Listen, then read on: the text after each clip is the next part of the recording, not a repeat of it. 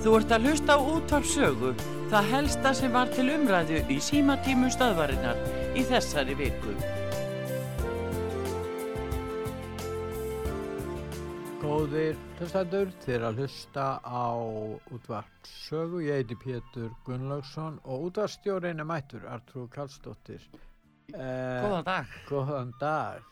Nú Artrúður eh, fórsýttisraður hefur skipað starfshóp gegn hatursórræðu. Já, þú varst að tala um þetta í morgun, Já. greinilega. Já. Já, það er mjög aðtiklisvert mál að hvað vakir fyrir þeim núna. Akkur er stjórnmálamenn að skipta sér á tjáningafræs? Þetta er ný stefna. Ah. Það, þetta er ný stefna ah. og ég held að hafi nú verið að benda á það líka að þetta er nú eitt af því sem kemur frá Davos að það á að breyta þjóðríkjum og, og þetta er partur af því að, að við erum að fá einhverja eins konar eina alheimstjórn. Þetta er partur af þeirri hugmyndafræði og uh, það, við sjáum það uh, til dæmis byrtast í því að hú á að fá allserja vald eh, yfir helbriðismálum Má nokkuð gaggrína það? Nei og svo má ekki gaggrína það. Mm. þannig að þetta er bara partur af heilu prógrami, þetta er ákveð handrið eins og við höfum nú stundum sagt hér. En við Íslendingar erum bara ekki að fara varhlut af þessu því að það er búið að draga okkur og flegi ferð inn í þetta allt saman. Við höfum ákveði stjórnarskroni um tjáningafræðsir mm. og hún er að tala um hatusumæli við höfum ákveði ákveði hefningalögum um það og svo hefum við ákveðið um meðalalögum og, og hvað ætlar hún að koma með? ætlar hún að, að, að taka þetta uh, tjáningafrelsið uh, hérna uh, og aðgreina það frá stjórnarskrá og frá hérna domstólakerfinu og færa það inn í hérna pólitísku umræða þannig að þau viðhór sem að henni hugnast ekki að skul, þau skulle vera takmörguð og rittskoð en uh, þarna en svo fái hún sjálf að, að vaða áfram á, á, með sín við þá menn þetta er svo ósvífið að, að ég bara man ekki eftir öðru eins. Já, það, sko, nefndin er vist ætlað að koma með tilugur skilst mér um þessa einhverja breytingar hverju skipa það nefn? það verður fróðlegt að sjá það ég held Já. að það verður kunnuleg nöfn Það verður einhver frá stundin og kjarnan og Nei, ég er nú ekki viss um það ég held að það sé nú af öðru meði og Nei. hérna það er verið að endurvekja þessa hattusorðaðu núna vegna þess að ef við sjáum þetta í víðara samhengi hvað er verið að gera í raunni það er verið að breyta gildismati fyrir eh, Íslendinga. Já og til þess að stopnus í stopnum þá þarf hann auðvitað að uppfylla ákveðin skiliði, hún þarf að hafa ákveðinar reglur, hún þarf að hafa ákveðin norm sem eru viðkjönd og síðan er það gildi og gildismati og nú er verið að taka gildismati til endurskoðunar sem á að gilda fyrir þá Ísland það er þessi sko innviðir í, slíkum stofnunum. En eitt bákni sem við verðum að búa til. Eh, vannverðingin við stjórnarskrá er ekkit orðið ný hlutur sem við sjáum hér. Og í þessu tilfelli mætti ætla að, að það væri verulega gengi nálat stjórnarskráni að, eh, með nýjum tillögum hvað þetta varðar og þú ert að benda á en hins vegar að þá sér maður það að, að það á að, að hérna, beita einhverjum sér, sértækum aðgerðum greinilega er það fyrir hugað að eh, beita sértækum aðgerðum gagvart þeim sem hugsamlega gætu verið með slíkan áraður eða slíkt tal. Nú, aftur á móti er það spurningin hvernig á að meta það og hver verður domstólinn í því máli? Er það sérstök nefnd? Er það fórsættisáðuneytið eða hver á að meta það? Að hvernar eitthvað er hattusorðað ef að þeir ætla á annar borð að, að víkja domstóla meðferðin til lið Alltaf er að beita sér gagvallans fjölmiðla nefndinu Já þá er það nú eitt. Þannig að þetta er ákveði gæluverkefni sem að, að við getum beilinnis raki til eh, World Economic Forum og þeirra stefnu sem að, að ég endur teg sem er búið að að tengja okkur Íslendinga svona óbærilega við og án þess að við hefum nokkuð verið spurð að þá er þetta yfirþjóðlega vald komið yfir okkur án þess að nokkur maður dustir ekki á stjórnarskráni. Við höfum enga heimild í stjórnarskrá til að framsæðja vald elendis og mér sýnist það verið orðið stóra máli núna að hvert stefni það er eins og í þessu þá skiptum gildismat í landinu. Eh, það er verið að framselja eh, helbriðisvald og stjórnun yfir helbriðismálum og við höfum að lúta uh, ákvörðunum erlendra aðila án þess á nokkur nátt að mega gaggrína það eða það er ekki kæranlegt þetta er alveg skelvileg stefna sem er verið að hella hérna yfir þjóðina. En við höfum náttúrulega, hefður okkar eru náttúrulega kristilegt gildismann. Það var mjög líklegt að það verði farið að rýtskoða biblíuna meira. Þið farið að gefa út nýjar útgáður á biblíunni þar sem Já. að heilu kaplarnir verði rýtskoðar. Já. Vegna þess að þeir, þeir eru náttúrulega rópandi anstöðu við það sem að, að þetta fólk vil og þessi eftirsoknavert gildismann, skilur við þannig að, að kristnir, kristin menning og kristin viðþorf og, og kristnir einstaklingar þeir eiga sjálfsagt í vög að verjast í framtíðinni. Já, mjög svo vegna þess að það er líka sko, verið að tala sko, trúna niður, kristi mhm. fólk er eh, ofsótt við það og við skulum ekki láta okkur í huga við fyrir með hvað varhluta því hér á Íslandi.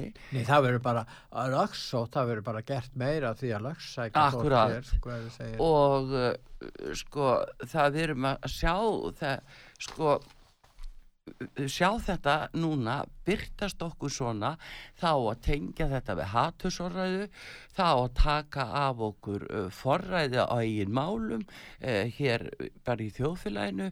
Uh, nú helbriðis, eins og ég segi helbriðismálin eiga að fara ellendis Alveg svo útlýtingamálin er að vera alþjóðleg Já, já það, já, já. Og, og, það var skrifað undir Marrakest 2019 Evrópussambandi líka. Já, og, og þeir sem að gaggrína stefnin í útlendingamálum.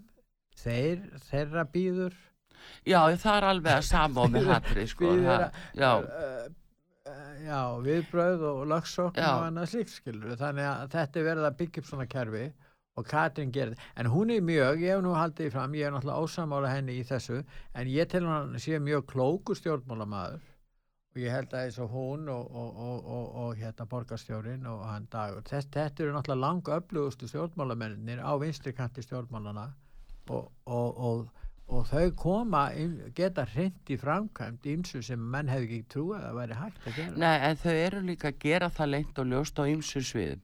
Það sem er núna aftur á móti, segi ég, við þurfum að hafa mjög vökul augu með því hversi krafist út úr ríkisjóði.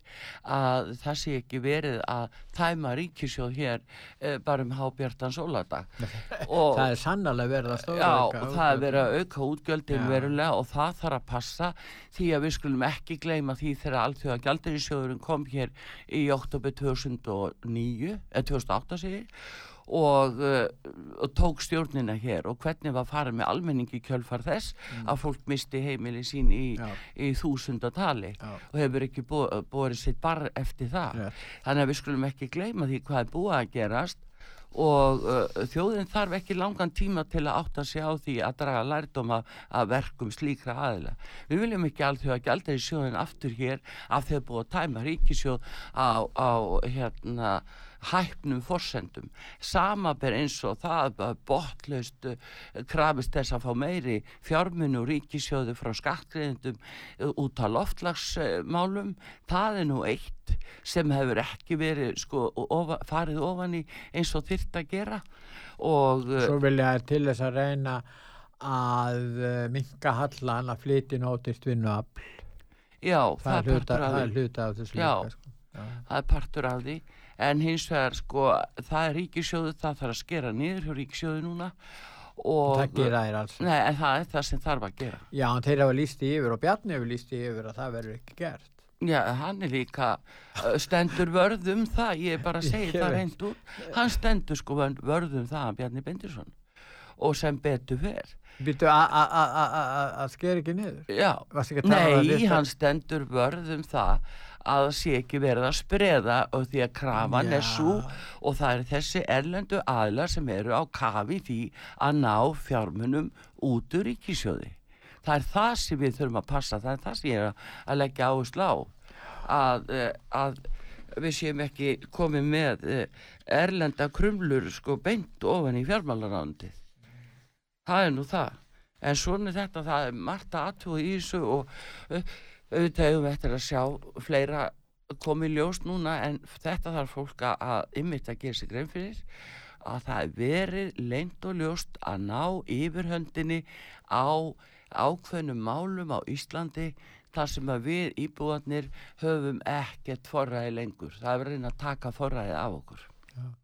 það er það sem er. Og, og sko það á eftir að komi ljós og kannski fyrir en við búumst við.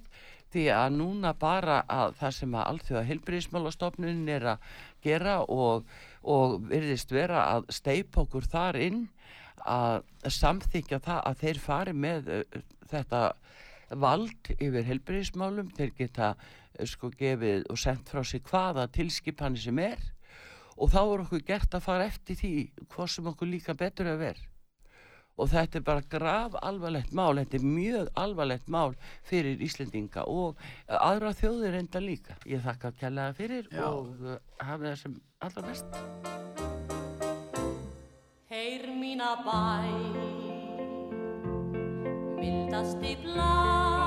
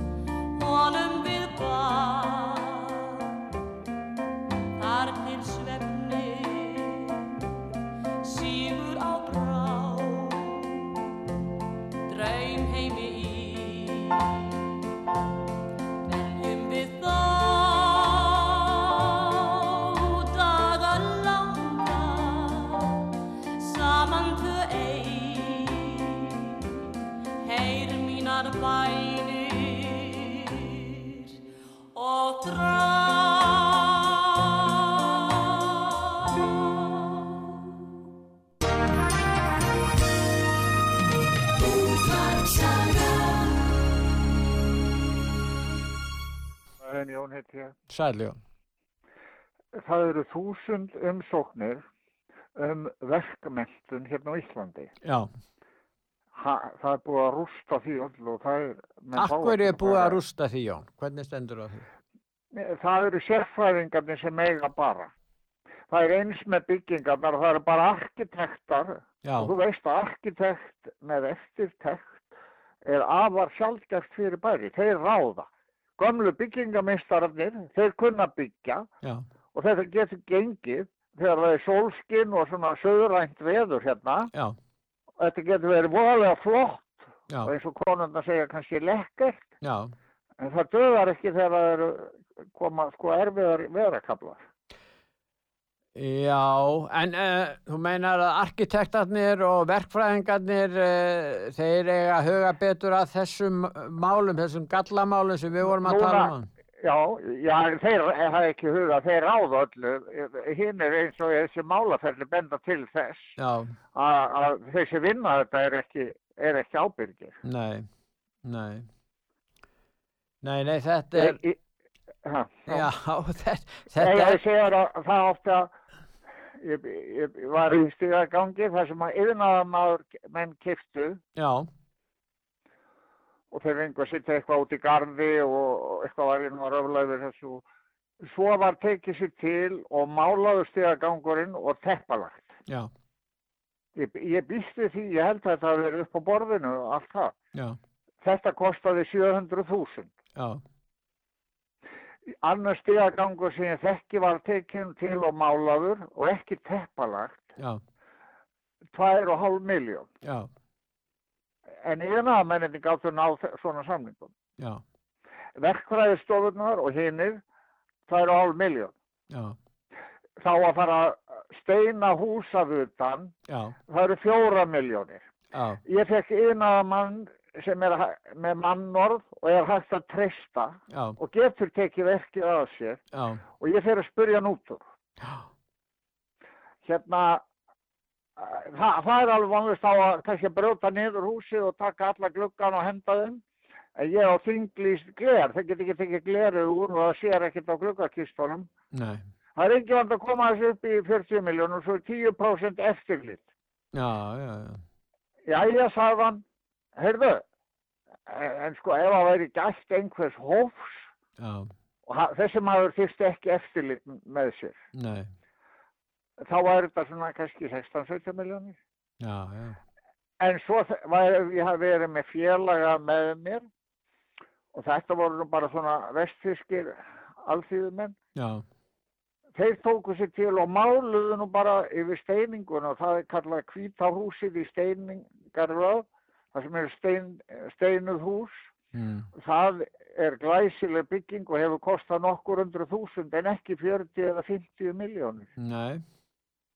En, en Jón, nú er þjóðarauður Íslitinga, er, þetta eru fastegnir, flestir egnir manna, Já, þetta, þetta eru fastegnir og, og eh, er það ekki að skulgu hugað betur að eh, þessum verðmætum?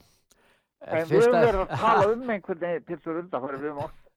Það er eins og að vanti, það var 2000, nei, 1907-08 þá kom kongurinn hérna og það vantaði nú það vantaði nú stað fyrir hann til að fara afsýðis Já.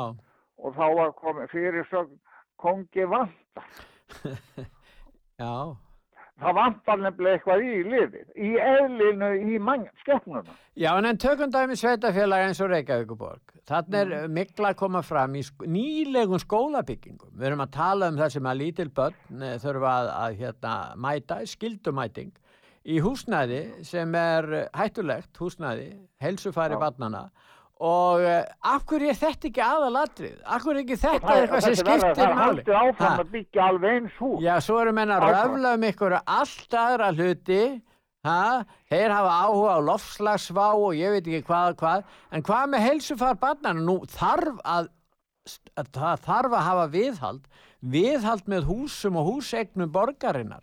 Af hverju ósk þegar þetta var ómentaðu skrikt hérna á Íslandi þá kunnuðu þeir að byggja Já, ég minn að horfir til eldri bygginga þá er, þá er mjög sjálfgeft að það sé mikla En það voru ar arkitektarnir voru þá ekki komnir og allt saman finnból fambið og unga fólki ekki tekið við sem tók við sem bara undir aldamót Já, ég veit ekki hver þetta en, en hún liggur við að þessi ábyrði. Það er alveg ótrúlegt að þetta skulle hafa þróast með þessum hætti. Sérstaklega ljósi þess að hér þurfum að hafa fasteignir og byggingar sem geta svona, hérna, er svo nöðsynlegar í þessa kalda landi og þessum veðráttan er svona eins og hún er hjá okkur, Jón.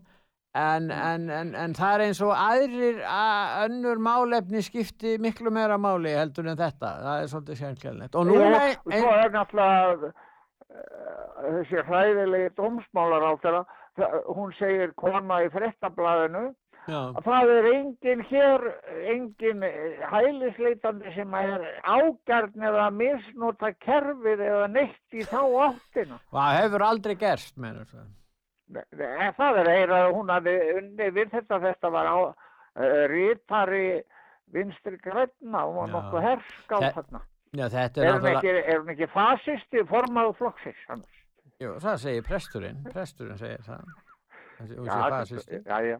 En, en sko, já, en, en þetta er einkennilegt eins og þú segir, en það er hins vegar eins og ég var að tala um áðan og það er eh, á fórsíðu mokkans, einmitt frá samtökum atvinnlýfsins, eh, hérna, þar sem þeir halda því fram að aukið frambúð á húsnæði er eina leiðinu þetta til þess að draga úr þessu hækkandi verði á leigu og verða á húsnæði. En ein ástæðan fyrir þrýsting á leigumarkaðin og húsnæðismarkaðin það er aukin, það er flóttamannaströymur við erum að, að hérna, reka stefnu í flóttamann og við, við fáum ekki einu sinni við erum með útlýtingastofu við erum með áfrína nefnd útlýtingamála við erum með þessa stofnani sem er annars þetta en uh, þær fá það ekki að gera það og svo þegar að dómsmálur á þeirra er að framfylgja lögum þá er hann, hann sakar um það að hafa, hafa, hérna, hafa verið að brjóta mannréttindi á þessum uh, hælisleitendum.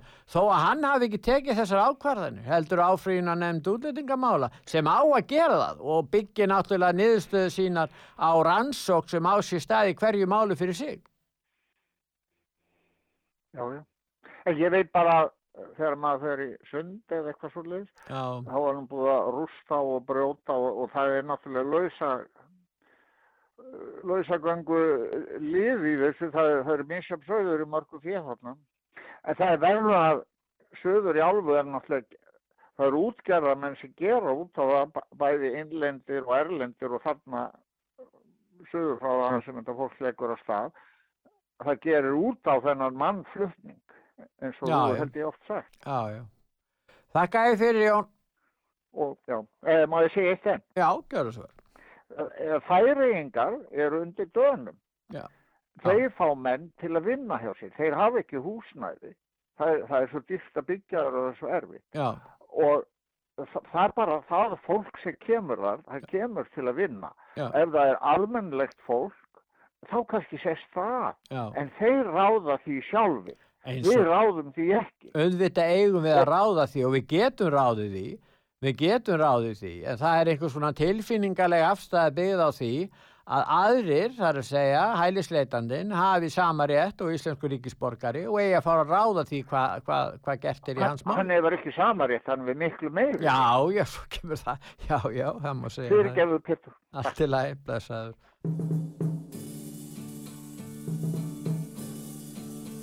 I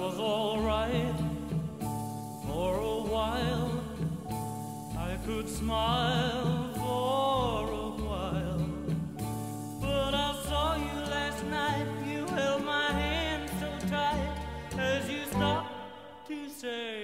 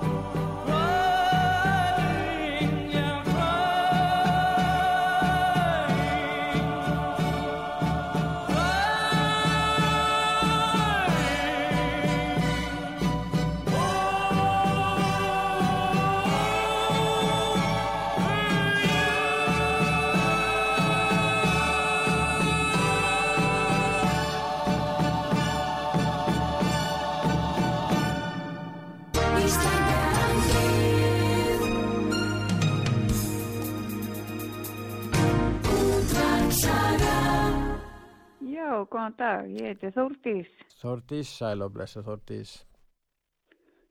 Erðu, ég var nú að heyra að þú varst að tala um þannig að meiri hluta viðræðnar í borgarstjórn. Já,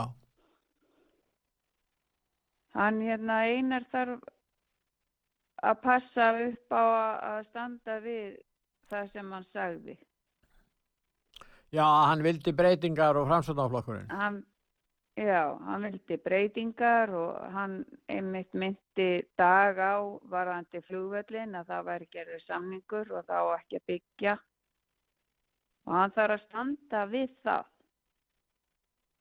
Já, nú er þeir farnir að tala þannig að, að báðir aðlar verði að, já, hvernig orða er það? Ég sá einhvern grein um það og það segir allir flokkandi þurfa að gefa eftir. Og það sem þetta eru fjóri flokkar, þá hérna, eru þeir í meiri hluta sem vilja ekki breyta á þessum fjórum í meiri hluta samstæðu. Já, ég er náttúrulega virkilega ósátt við þess að, þau hafi hérna flokkað sér saman í einhverja, hérna, einhverja blokk. Já, Þú veist, í þau fjallu, fólk vill ekki til dæmis dag sem borgarstjóra. Fólk er búið að hafna honum. Fólk Eh. var að hafna þessum flokkum. En getur uh, framsókn komið fram raunhæfum breytingum uh, gagvart þessari blokk sem þeir eru jú með, með, hérna, með mikil meirihluta innan meirihluta samstarfsins. Ég meina, hann, þe- þeir munu stjórna þessu, píratar, samfylkingin og, og viðrest, þeir eru með, með yfirburða stöðu, borgarfulltrúar er engungu fjórir frá framsókn Hinnir eru, eru með nýju borgarfulltrúa. Ég meina, hvernig nega framsóttamenn að geta stýrt því? Já, það fl- þetta verður, er fl- verður flókið en sko einhvern veginn, sko ég er, ein- al, ég er svo ósamála að þau hafi ekki sett þessa blokk. Því fólk vildi breytingar í borginni já, og, veist, og, og mér finnst einhvern veginn hann, hann þurfi og til dæmis var haldinn hann að fundur hjá framsók já, og það var ekkert eining um að hann ætti að fara í þetta samstarf. nei, nei, veist, og til sjálfstæðisflokkurinn vildi líka breytingar. Það er líka sérkennlegt með viðreist að þeir tapa fylgi og það verða koma þeim skilabóðum til þeirra, þeir töpuðu já, einu, einu manni, voru með tvo. Já, og mm. þá eru þeir ennþá já, uh, mjög harðir á því að, að viðhalda óbreyttu stjórn sem að mestu leiti og, og hvernig stendur á því? Þetta er mjög sérkennilegt því að nú uh, telja þessi ekki vera sósjalískan vinstri flokk eða neitt slíkt viðreist, þeir segja það. Og akkur eitthvað vilja er ekki breytingar með framsókn og, og þá hinnum flokkurinn sem voru í minnluta. Akkurat, ég skil það ekki og allt í hennu er hún bara algjörlega hörð á því að hún vilji til dæmis alls ekki vinna með sjálfstæðisflokknum. Já, hún sé núna komin á þá skoðan. Já, ég bara, þú veist, ég skil það ekki að því þetta á ekki að vera, þú veist, sko það má ekki blanda hérna, sko þetta er borgarstjórn og sen er þetta er borgin og sen er alþingi. Veist, það má Já. ekki blanda þessu Íslandsbankamáli við hérna flokkin í borginni sem kusið sér fram. Borgarstjórnarflokkur sjálfstæðisflokksins ber ekki ábyrð á sölu Íslandsbanka. Nei, engan veginn og hún var að reyna að koma og það er mjög sorglegt hvernig einhvern veginn þau svona þau fengu að kenna á því. Mm. Það er mjög sorglegt.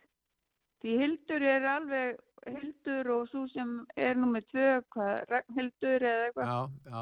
man ekki hvaða nafn hennar, þær vilja breytingar og þú veist og ég hef mjög mikla trú á til dæmis Hildi og mér þætti bara að einar, sko, ef hann fær ekki það sem hann vill eða að því hann vill breytingar.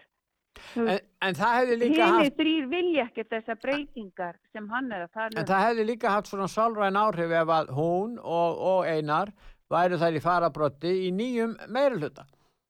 Þá væri komið nýtt andlit á borgina. Breytingar, raunverulega breytingar. Algjörlega. Og það er það sem fólk vill.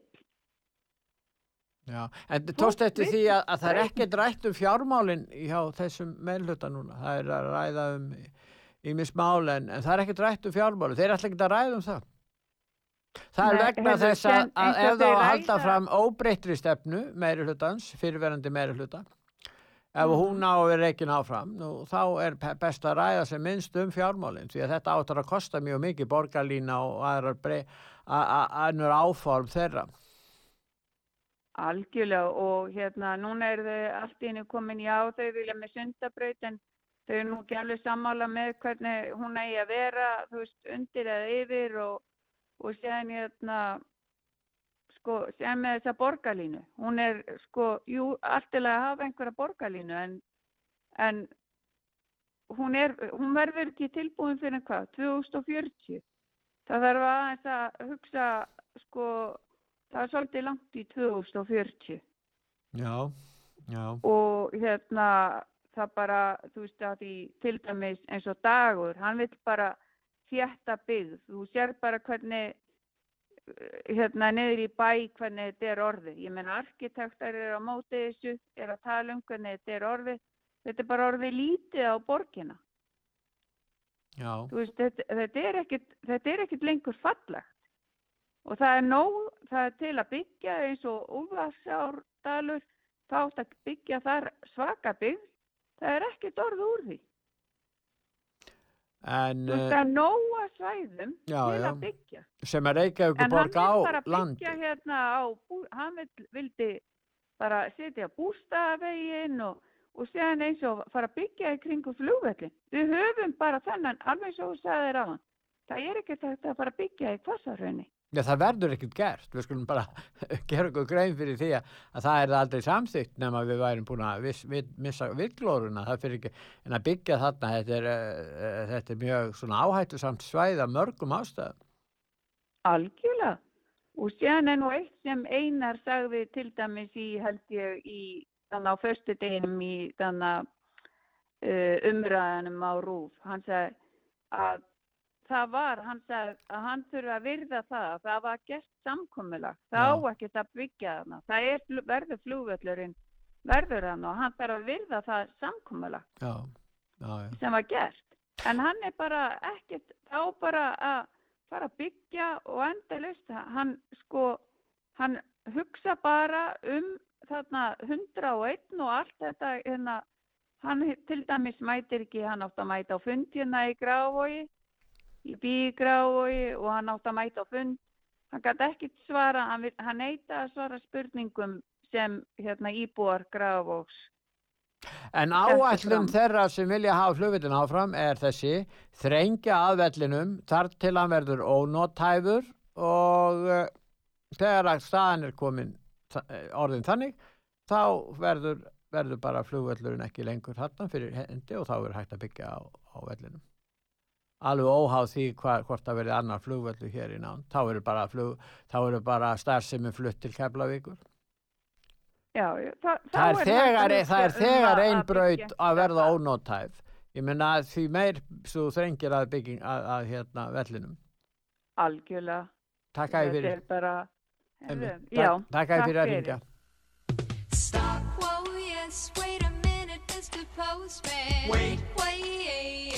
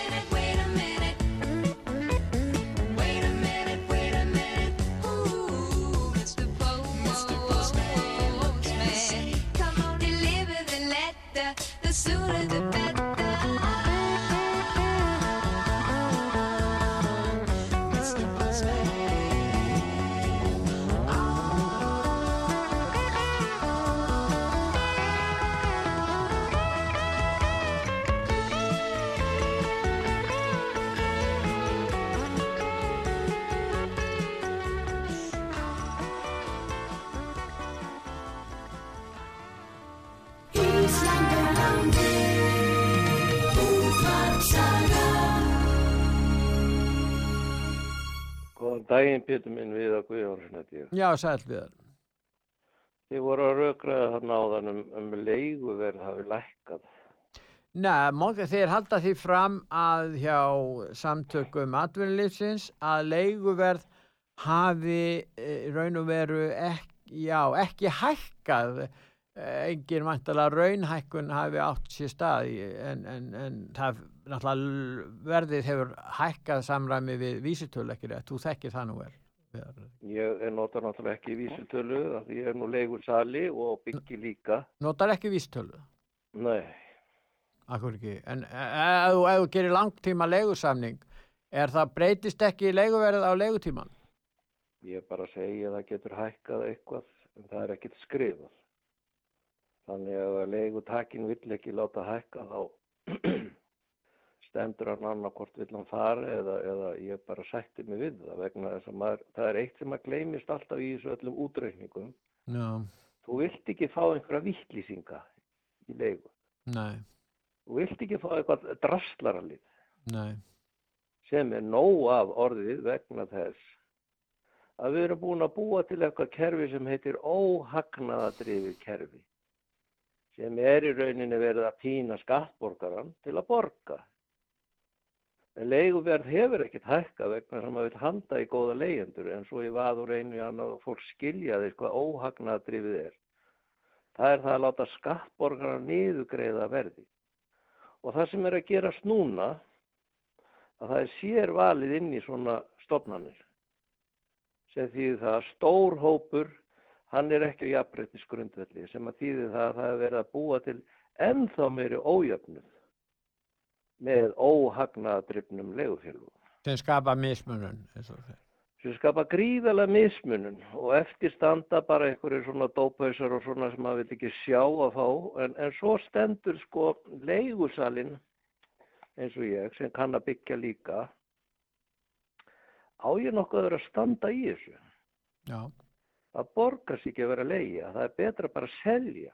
Já, og það er staðan sem við erum að renna upp núna að, að það er verið að íta sko engamarkaðinu, þetta er eins og í fjölmiðlana veist að, að rúf er borgað en, en útvarpsað ekki já. þetta er orðið á svo fjölda mörgum sviðum Og þetta er sama fólki sem er alltaf að tala um jafnrétti. Hefur tekið eftir því? All ymmit, ymmit og það vil venda alla og allir að vera erum að menni eru algjörlega á móti jafnrétti. Þeir vilja forréttindi til þeirra sem að eru þeim þóknarleir. Já, en, en þá kemur þetta kerfi og heila þótturinn sem er núna það er búið að vera að tala um skrýðalega lengi að sko húsnæðisverð og leið er búið að hækka og hækka og hækka og svo bara kemur allt í ljós og hún er bara ekkert búin að hækka. Hvað er þá, hverjum er að kenna svona heila þóttur eða svona áróður? Allt er þetta pólitísku tilgangi og við sjáum núna hvernig Reykjavík, höfuborgin okkar er í algjörum ólestri hvað varðar pólitík vegna þess að nú er pattstaða algjör pattstaða. Það verður aldrei að koma saman neinu sko meiruluta sem að getur unni saman vegna þess að þeir eru allir með sikura skoðununa. Mm. Og svo að koma einhverju borgarlínu sem engi veit hver er og allt þetta og, og svo að hjál- hjálpa öllum heiminum, flytjinn fólk og flytjinn fólk. Og búa til fullt af fólki sem er í raunin ekki að skaffa neitt. Og þetta lendir alltaf á því að þetta verður hörnun og hnygnun. En það sem er aðteglisvert í sambandi við þetta sem kemur frá samtökum atvinnlýsins, þeir eru að tala um uh, leiguverðið, en þeir eru að líka að segja flóttamannaströymur mun auk þess setja aukin þristing á leigumarkað. Og það leikur í augum uppi, nú er þeir að tala um það, og meira þess að ríkisútvarpi líka, að það verða að minnstakosti 3000 hælisleitendur núna á þessu ári, að minnstakosti, gætu farið upp í 5000 þess vegna. Og það, en þeir neyta því að þetta hafi nokkur áhrif á húsnæðismarkaðin. Ég skil ekki að hverju umræðan getur farið það með. Það liggur bara í augum uppi hvaða skoðun sem menn hafa á hælisleitendum og hvaða stefnu eigi að taka í þeim málum. Þá er ljóst að svona stór fjöldi, bara hælisleitenda fyrir þetta alltaf hina, að mun hafa verulega áhrif á húsnæðismarkaðin á Íslandi og leiða til hækkunar bæði á verði fastegna og leiguverði. Hvað segir það? Já, ég segi það líka. Nú hefur við líka verið að sko alþjóðavæðingar sinnar Já, og þá er ég nú að viðkenna sjálfstæðisflokkurinn er verulega segur um það að vilja alþjóðavæða á nokkura raukugsunar. Það vantar 7.000 eða 10.000 manns í ferðarþjónustafa. Það vantar 10.000 manns sem eru svona einhverju fræðingar að búa til app. já, Hvað gerist það? Ef það væri nú allt þetta lið flutt inn, það myndi hafa bara alveg hræðilega áhrif hérna á efnarskerfi. Þannig að sko, hvað á að kalla þetta? Einhvers konar arðsemi, það er alltaf verið að kalla meira og meira arðsemi og búa til meira og meiri fjölda fólk sem er ekki raunin að vinna. Já, en ef við höldum okkur húsnæðismarkaðin þá mun þetta leiða til hækkandi verð, það er að segja fyrir á almennu markaði. Á hinbóin, eins og þú segir, þá eru algjörnir hópar sem fá niðurgreitt íbúðaverð. Þannig við höfum tvo hópa í samfélaginu. Þeir sem fá niðurgreita verðið og svo allur almenningur sem að fer verður að fara á markaðin og kaupa dýrari og dýrari eignir og hærra og hærra leiguverð. Þannig að, að, að þetta er svo stað sem, sem þýðir það að svona venjulegt fólk lendir í þessari stöðu að geta ekki keft sér húsnæði og valla geta legt.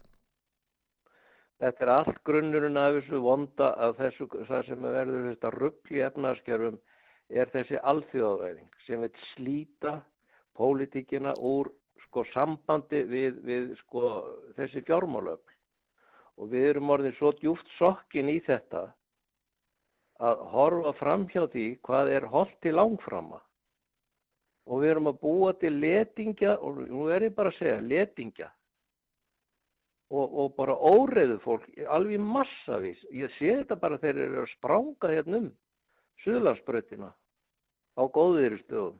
Stelandi, hnupplandi, seljandi dóp, þetta er orðið okkar. En nú er nægilegt frambóð á vinnu, geta, þessi menn geta fengið vinnu eða þeir myndi sækast eftir því. Jú, en það vill ekki vinna. Það er letin sem er móðir allra lasta, er letin. Mæðurnar vilja hafa börnin gemt í skóla og helsi lengst tíu tíma á dag helst og þau vilja ekkit sinna afkvæmunum. Þau eru svo mikið uppteknar af metnaðfullu sem að þessi gengdalösi áróður er búin að ganga út á. Svo er búið að ákveða að við viljum fá þjóðarhöll og láta skattborgarna borga þar fyrir atvinnumenn sem eru með góðum launum svo allt hitt 20.000 manns að vera að glápa þetta og drekka bjór. Þetta er bara verið að láta skattborgarna búa til ólifnaðar sko þarfir. Þetta er allt tilbúnar þarfir. Sjáðu öll fötin sem við erum að senda til Afríku. Þetta eru fjöll af fötum af því að konurnar noti þetta bara einu sinni. En það má ekki tala um þetta, það má ekki yrða á konur og þær geta haft einhverja galla. Nei, þá er það ofbeldi. En, en svona er þetta orðið, þessi áraður, og hvaðan kemur þessi áraður? Jú, það er alþjóðafæðingin. Þess meira sem við getum sundrað fjölskyldum, þess fleiri neytendur fáum við. Það, það er bara svolítið, það er, það er mammon sem er alltaf á bakvið allt. Búa til tilbúnar þarfir. Takk að fyrir við þar. Þakka þér.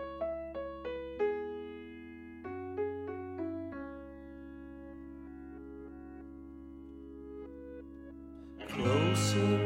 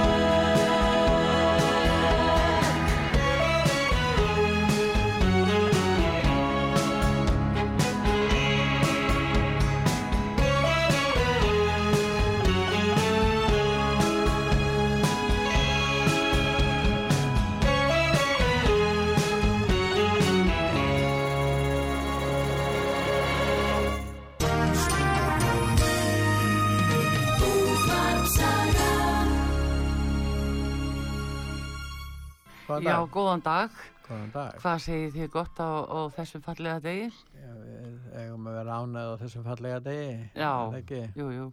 Já. Erðu svona stóru málin hér innanlands allavega? eh, það sem að hefur nú mest verið rættum er auðvitað þessi uppákoma hjá sóknarprestinum í Laugarneskirkju það er eh, það er eiginlega búið að vera á öllum miðlum, öllum samfélagsmiðlum eh, st- stöðug umræða um þetta mál. Og ég sá að það var haft eftir honum í viðtali við morgunblæði að þá segist hann alltaf aðtuga stöðu sína á samt uh, félögum sínum í prestafélagi Íslands. Að hann alltaf aðeins að aðtuga sína stöðu. Og uh, hann var að byggja stafsökunar og ummælum sínum gagvart uh, Katrínu Jakobsdóttur fórsættisráðra og var að byggast afsökunar á því hvernig hann hefði orða hlutin í gær því að hann fekk tiltali eða áminningu frá uh, biskupi þarna fyrir uh, uppstillingadag og þá held hann samt áfram óhróðunum þannig að það er veriðist ekki neinn bönd hemja þennan blessaða mann. Við höfum náttúrulega lent í honum hér á útarpi sögu bæði starfsmenn og hlustendur út af sögu í gegnum árin. Þannig að hann á þetta til og þetta er svona í mínum huga alveg dæmigerð hegðun og, og framganga mann sem er ofbeldismadur Þa, þeir hegða sér akkurat svona í orðum og eru miskunarlausir og ráðast á og, uh, mann og annan eftir því sem þeim dettur í hug og, og, og dæma hópa eins og þeir gerði við hlustendur út af sögu og hann gerði á mjög svífyrðilegan hátt. Og, þetta eru svona, já og svo er það náttúrulega konuna sem verða fyrir því því að hann talar ógjarnan svona til kallmanna þetta er ákveðin tegunda kvennhatri líka. Og með tilliti til þess eh, hvernig eiginlega hans samband er háttað við eh, núverandi fórsættisráðra og hvernig það var að þá sér maður enn frekar ofbeldistilneyinguna að, að leifa sér það að tala svona við konu og en ég er ekki fann að sjá að hann myndi senda kallmönnum tónin í hárri stöðu. Það er akkurat þetta sem maður sér. Er þetta ekki almenn mannfyrirlitning og mannhatur og þeir sem hata fólk, þeir hata rök líka. Mannhatarar eru rökhatarar. Það er eiginlega fer saman. Og það er þessi fyrirlitning á öðru fólki sem er ekki sammála honum. Hann, hann hefur einhverjar svona eh, óskiljanlega háar hugmyndur um eigið ágæti og heldur hann sé eitthvað stór merkilegur. Og þess vegna ef einhver er ekki sammála honum, eða þá bara ræðst hann á það með, með tómum svífurðingum eins og, eins og, eins og gert hefur gagvart þér á sínum Já, já. dæmis. Það var mjög alvarlegt mál uppfullt að lígum líka Já. því að hann lígur miskunarlöst Og, síðan er það biskup við biskup sem átt að taka á þessu, en, biskupin gerir það ekki og það kom alveg fram þegar þú kærði þetta til biskups að Já, þeir gerði ekki neitt og hún gerði ekki þannig að lífa hann. já, já. En uh, svo aftur á móti núna hefur svoðið alveg upp úr svona loksins að þá er verið að taka eitthvað á þessu að þetta er sko þrátt fyrir allt málfrelsi þá uh, Já. sko er ekki þar með sagt að þú getur svífirt aðra og logið og annað uh, það er ekki Hann tjáningafrelsi bara á að bera ábyrð á því sem hann segir. Auðvitað fær hann sitt tjáningafrelsi, hann, hann má tjá sig með þeim hætti sem hann vil, hann bara verður að bera ábyrð á því sjálf. Já, en nú er hann sko ofinber uh, hérna Já, embættismæður þá hann að draga hann til ábyrða fyrir það. Já, og það er það sem að, að kannski kirkjan er að byrja að gera núna en eh, hefði mátt byrja löngu fyrr. Á þetta var bent miskusti að minni hálfu fyrir einhverjum árum síðan. Já, og eh, hérna á því yttundu stól.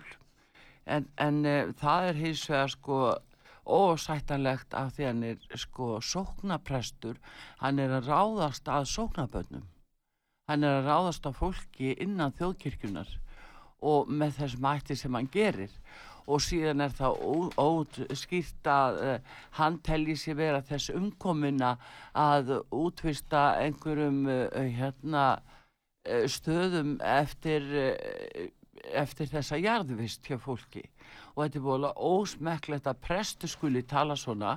Og enn eina ferðina þá kemur svona ákveði högg á þjóðkirkjuna og, og dregur úr trúverðuleika kirkjuna sem að er í sjálfu sem mjög alvarlegt mál og, og það þ- sá sem stundar svona eigðileggingastarf uh, uh, á þjóðkirkjunni hann á ekki að starfa við það. Það er það sem er. Þannig að hann er að ná sér í brottrestra sög algjörlega. Hann er alveg einfær um það að eh, koma sér úr embætti þegar betur að gáð. Þegar svona tala uh, sóknaprestar ekki. Hugsaði til dæmis ef hann hefur verið með messu í gær hvernig heldur að sóknabönnunum líði? Hvernig heldur að, að fermingabönnunum líði sem að eiga verið fermingafræslu hjá svona aðila?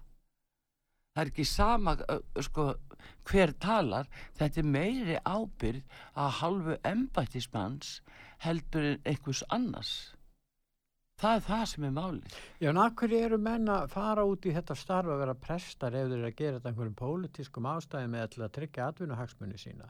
Ég meina, hann fylgir þjóðmálastefnu, hann er marxisti eins og margir prestar er í dag og þeir hafa fylgt, fylgt þjóðmálastefnu sem hefur gert líf fólks að helvíti hér á jörðu, þessu Já. lífi. Já, Og, og það er ekki að minnast á, á sko, uppgang kommunismans og ofbeldis sem er mest, einhver mesta ofbeldis stefna manginsögunar. Og þeir Já. hafa verið svona svolítið uh, degrað við alls konar útgáfur af þessu massískrum hugmyndar, massískru hugmyndafræði. Og, og ef menn er, það er ekki nóg með það að þeir leifa sér að gera það innan kirkjunar, heldur ráðast þeir persónlega fólki sem er ósamálaði í þessu mál og gera þá alltaf personum sko. alltaf persónum Já. og svo er ákveðin hópu fjölmiðlamanni sem er hrættir við hann eða eru er að degra við hann og, og kannski vegna þess að þeir með að búast við því að verða fyrir árásum ef að, ef að hérna Já, Þeir allavega þeim finnst að það er svona, eh, það er ekki gott að lesa í það en allavega þeir hafa sumi hverjir, blásið haldið á mjög á lofti og blásið það mjög upp. Og, og, og, og ekki hvað síst svífringar sem hann hefur beitt gegn personum, það, það hefur fengið að fara alveg á hæstu hæðir innan sumra fjölmila. já, já, Þannig að það er svona, er mjög umhugsun að verð þróun sérstaklega af þenni sóknaprestu þjóðkirkjunar. Það er bara það sem er, það er staðan sem að, gera það að verkum að, þetta uh, telst algjörlega, algjörlega við óvið hæfi. En uh, svo eftir að sjá framhald af þessu öllu saman en uh, hann er að blanda sér í pólitísk málefni og ég vil nú að segja það að kirkjan uh, sko er upptekinn af ákveðnum málum eins og hælisleitund og málefnum hælisleitunda en uh, það heyrist ekkert uh, í og frá kirkjunni uh, um báa stöðu uh, fjölmargra Íslendinga sem eigum sárt að, bor, að, sárt að binda já, til dæmis eldri borgarar margir hverjir og núna þegar COVID gekk yfir það var einmannaleiki og allskis erfileikar og, og jafnvel hræðsla sem greip um sig í þjófélaginu þá heyrðist ekkit í kirkjunu til þess að stappa stálinu í Íslendinga sem hér eru. og uh, er í, í eimd og sásöka þá heyrðist ekki neitt og ég sakna þess að það verði þetta sko þetta tómlæti gagvart í Íslendingum í erfileikum en svo aftur á móti er lamið í tunnur og, og hrópað þegar leið og það eru sem sagt ellendir aðlar. Þetta er vola ósmekklegt og, og, og við höfum að bera tröst til kirkjunar. Það sem að, sínilega Íslendingarnir eru skildir eftir. það er nú Íslendingar eru nú að fjármagna þess að kirkju hafa gert Já, þeir hafa sannlega gert það. já, Það er nú það. En bara takk fyrir mig. já, og ég kveð ykkur hér með verið sæl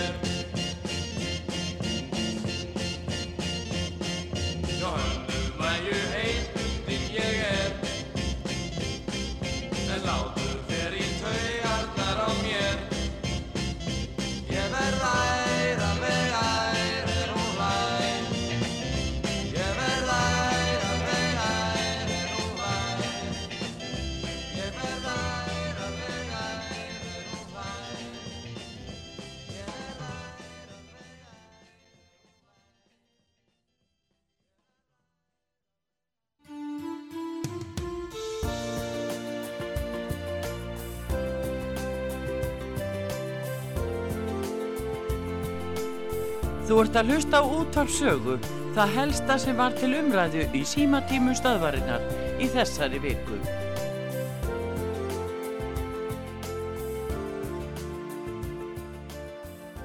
Góðan daginn, Jón heit ég. Já, blessaði Jón.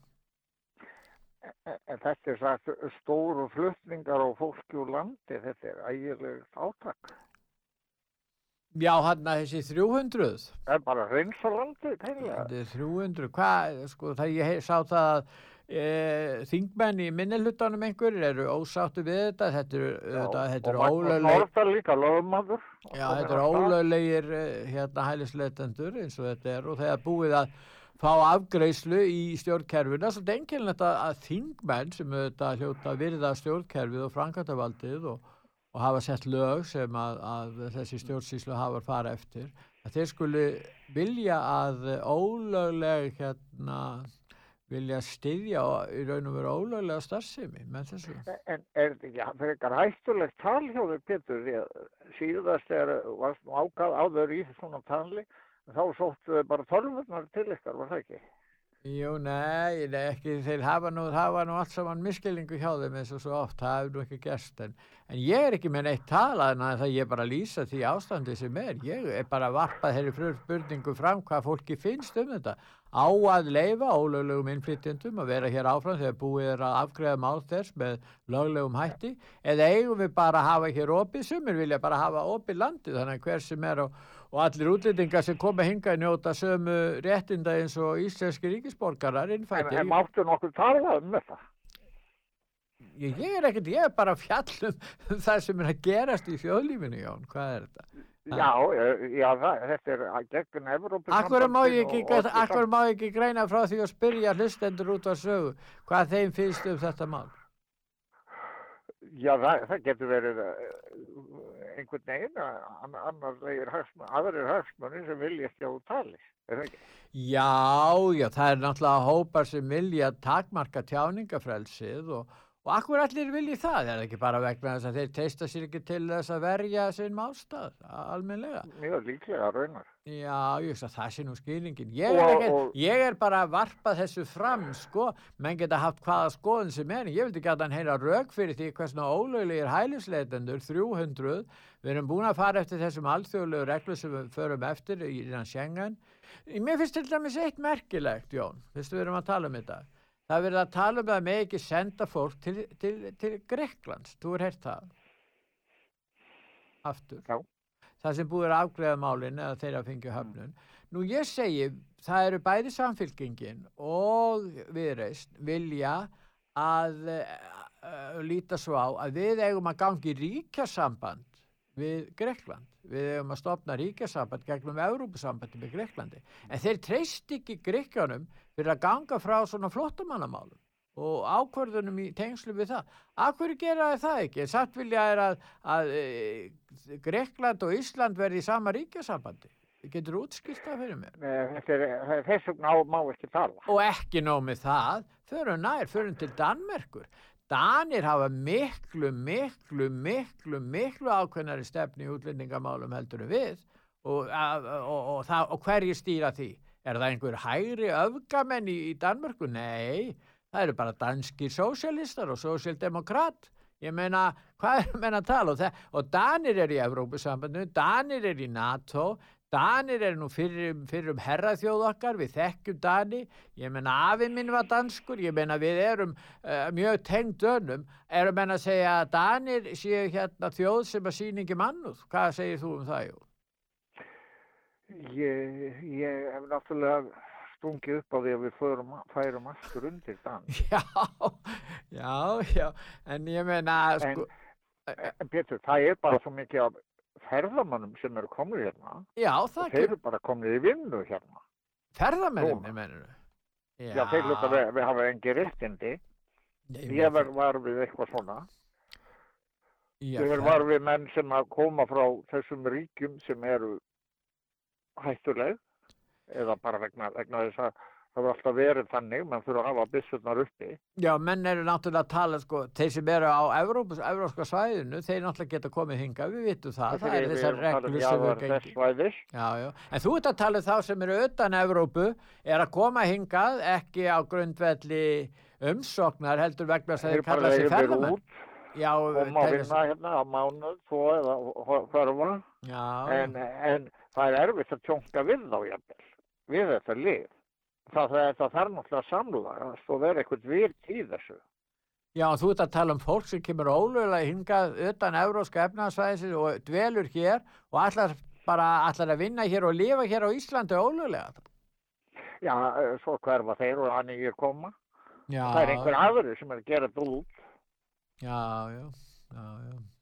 Eh, Ég bara, ef ég segir það, ég leiði, ég leiði út. Já, já, Og það vildu koma tveir í aðvarstórt herbergi, já, svo ofta koma þrýr í lítið herbergi viðbótt. já, já. Og það var kannski svona heldur mikið af því góða. Og kannski hugsaði með mig, fæ ég ekki bara meiri pening þá. já Svo ég hringi og styrir, eru þessi menn að koma? Já, Þá er sagt, þeir kom ekki, fyrst þú ert að segja eitthvað.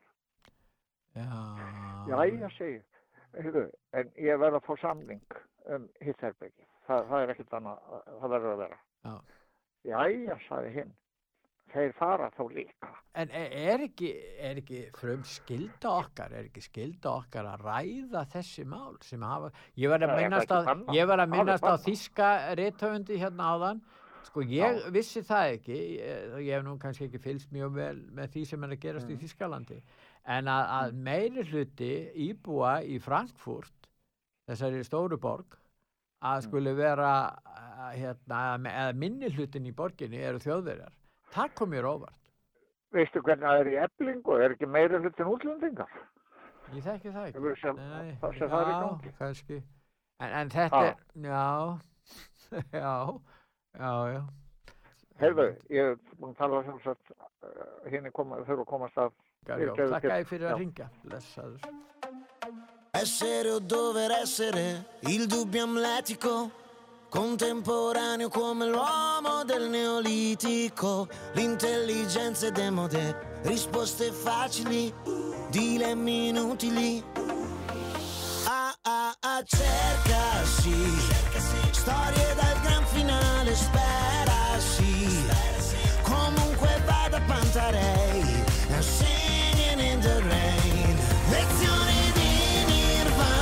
potrzebuję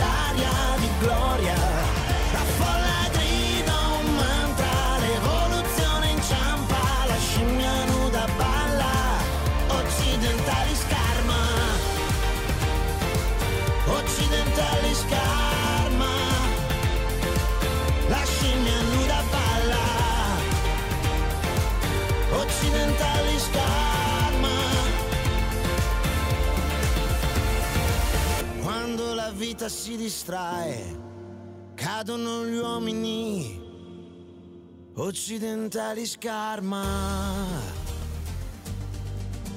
Mm. Occidentali scarma, la scimmia si rialza. Namaste!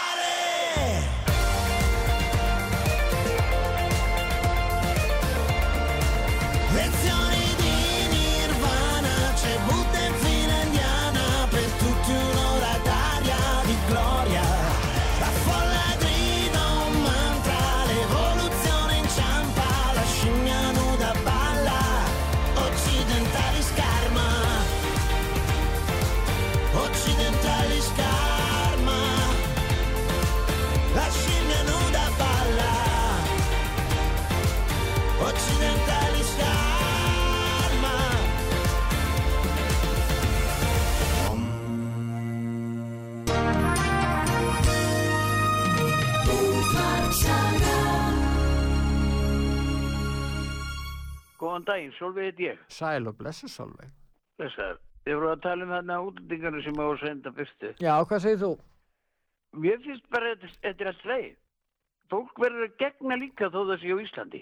Já, Sko það neytar að láta spreita sig eins og þeir, svo eru hinum alltaf kent um sem eru hér óspreitaðir. já, Þeir vilja ekki gera svona, þeir vilja ekki gegna og ef þeim er sagt þá verður þeir að fara heim, þá vilja heldur ekki gegna og það er þeirra að láta beita valdi. Það er þeir vilja það. En tökum dæmi, nú er þetta 300 mann, segjum svo að, að þessi mann vil segja, já við fáum okkur vinnu hér, við veitum ekki hvort að, hvort að geti fengið einhverja vinnu hér, en þó þið fengið einhverja vinnu, þá er það kannski flestu þeir ekki sérstaklega vellaunu vinna með að við dýrtiðin á Íslandi. Hvernig er útvegað sér húsnæði? Og það þarf að útvega fyrir 300 manns, það er allavega útvega Já, já, allavega, já, fyrir allt þetta fólk þarf að útvega í, íbúðir, allavega er ekki svona 200 íbúðir sem þarf að útvega bara fyrir þetta fólk. Og, og hérna, og hvernig nefnum að fara að því? Það vantar nú þegar íbúðir allstaðar. Sko fólk verður bara að skilja þegar tala við þá. Já, Bara að skilja það. Og maður veit ekkert hvort þetta fólk borgar skatta af sinni vinnu. Jó, það, um það. það er ef, ef það fær, sko, sko, mér finnst bara galli mennir að blanda saman, sko, þetta eru hælisleitendur, þetta eru ekki aðlar að koma hinga til þess að sækja um vinnu, þetta er ekki, við erum ekki að leita eftir fólki í Nei, nei. vinnu, þetta bara kemur Nei. hingað og þess vegna Mhm. þýðir ekki að segja eins og sumir segja, já, þetta fólk bara vinnur hér og borgar skatta, það liggur ekkert fyrir. Og, og eins og við-. Nei, við sjáum það eins frá Þískalandi að það er, við sjáum það að það er ekki nema lítið hlut af þessu fólki sem eru þarna, sem fær vinn og það tekur mörg ár, jafnvel hjá mörgum og meðan þarf við þetta að hjálpa þessu fólki og, og sjá um, um svo margt, það er heilbriðskerfi, það er almanna tryggingakerfi, það er húsnæði, það er allt bara eh, stuðningur á öllum sviðum. Já, hvað heldur að séu margir hér sem að vinna hérna í alls konar vinnu sem borgar ekki skatt í ríksins? Já, svo er Hvað það. heldur að séu margir? Já, svo kemur það líka. Það er bara ekki hægt að finna þetta. Nei. Og mér finnst ríkisjónu verið að gera alveg rétt með að vísa þessu fólki á landi. Ég er alveg sammála. Já, já. Það þýðir ekki að vera alltaf með þessu vorkunsemi. Við vitum ekkert hvað er satt í þessu hlutum. En nú hafa þær fengið að tala sínu máli þeir hafa lagt fyrir og fengið lögfræði kostnað á þess að greiða fyrir á, endurgjaldslaust og þeir hafa getað varið sinn málstað hér gagvart útlýtinga, yfirvöldum útlýtinga hér á mannlega. Akkurju, akkur, akkurju, þeir hafa líka fengið réttláta málsmeðferð Ef þeir ekki hafa fengið réttláta málsmeðferð þá geta þeir náttúrulega farið í mál út af því ef, ef þeir hafa einhver rauk fyrir því sko. En, Ég- en finnst þér ekki skrítið Já. að það skuli vera hérna, fullt af kallmönnum á besta aldri Já. en konundur og börnin er úti í þessu vend Já, það er hlutvarslega miklu fleiri nema hjá Úkrænu fólki, þá er það meiri, fleiri konur að vísu en þegar um er að ræða skiptiréttir. já, það er hinnir þá er, þá, þá er þetta aðalega kallmenn sem er að koma hingað á besta aldri Já, og, ég er að meina það. og þeir eiga náttúrulega kærastur og eiginkonu lítur að vera því að þeir eru á Ó. þeim aldri Og maðurinn sem var síndur þetta í sjónvarpinu við að þú bílinn sem var á að fara úr landi, já, hann á konur, konur og börn úti. já, já, já, já. Ég er búin, ekki búin að hýta þau hvað er nokkur ár. Já, já, vill hann ekki hitta? Þetta er, þetta er eitthvað dölufullt við þetta Já, sem við vitum ekkert um. Vill hann ekki hitta þér aftur og fara út? hann minnst ekki á það. Nú, minnst ekki á það. Vill hann ekki vera það fjölskyldu ekki allavega- Hann sagði það allavega ekki. Ætlaði hann að kannski að kom, ætlaði hann að fá dvalarleifi og síðan að berjast fyrir því að, að, að fjölskyldan kæmi til Íslands. Þa, það getur verið, ég veit Já, það ekki, sko. það getur verið. Já. En hann sagði bara svona. Já. En það eru margir sem líka, það er alveg fullt af mönnum sem er, konund að vera skildir eftir í þessu löndum sem verður verið að berja svona. Þeim er alveg sem að þú þarfir eftir, og bönnin. Það Já, en sko þeir segja að það sé, já, þeir segja að sé óbærilegt að búa þess að þeir eru. En er það ekki óbærilegt fyrir eiginkonu þeirra og börni þeirra og Já. fjölskyldur? Akkur Er það þau ekki? að búa við þetta og þegar þeir missa frá sér fyrirvinna, aðal fyrirvinna til útlanda, já. Að ég finna þá já. lítur staðir að vesna verulega. Hún lítur að vera skelvileg eftir að Já. eiginmaðurinn er farin. Hann lítur að geta skaffað eitthvað. Þannig að, ég að þetta lítur að vera svakalig staða. Og erum við þá að kynda undir það að búa til einstaða mæður í Afríku? Er Já, já. svo?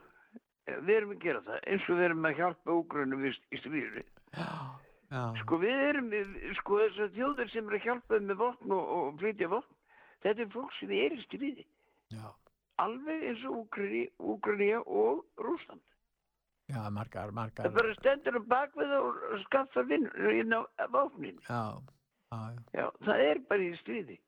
Og við áttum ekki að koma nála til við áttum bara hlutlega. Já, Það er alltaf að taka fólkið, já, já, já. alltaf að taka þeir. Þetta þeir. fólk er náttúrulega komið hingað vegna þess að þetta eru konur og börn vegna þess að þetta er styrjaldar ástand ekki, ekki skaffa einum vopn, það er bara til að haldast við við.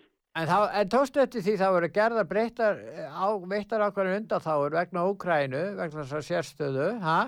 Þá fóru hinn að segja að það verið að mismun okkur, við viljum fá sömu stöðu á Úkrænu. Það var, það farið að staða með það, sko.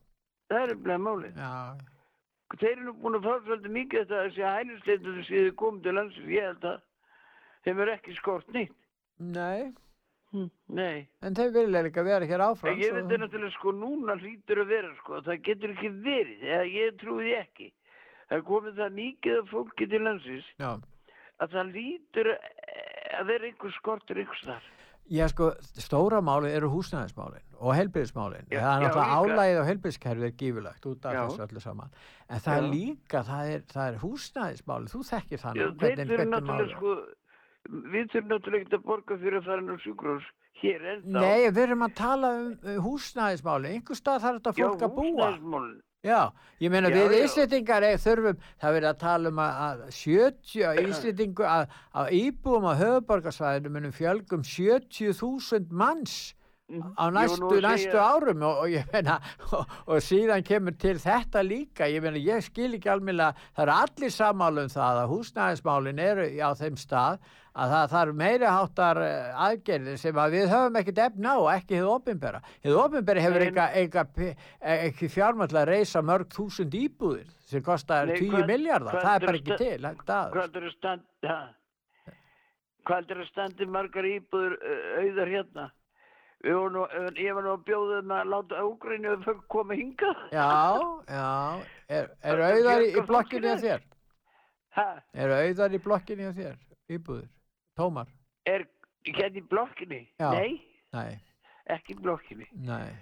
Nei, nei, nei. En það eru þarna tómt.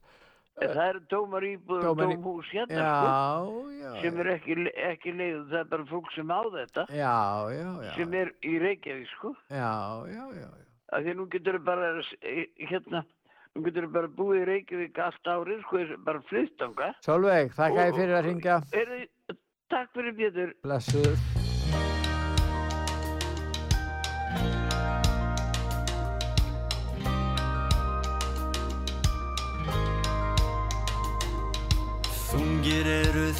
Þangar Þungir á mér brún. Þögnin liggur yfir. Síðan bur fór hún. Ég veit ei hvað skal byrja Ég veit ei hvað er tíð. Eina sem er öðrugt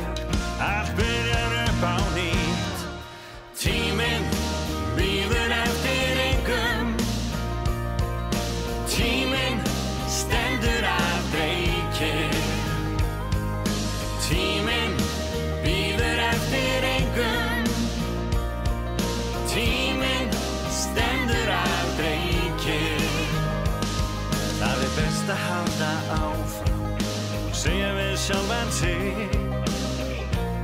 Ég hefði betur byrjað fyrr. Gagnast eigi að gráta. Gagnast engin tá.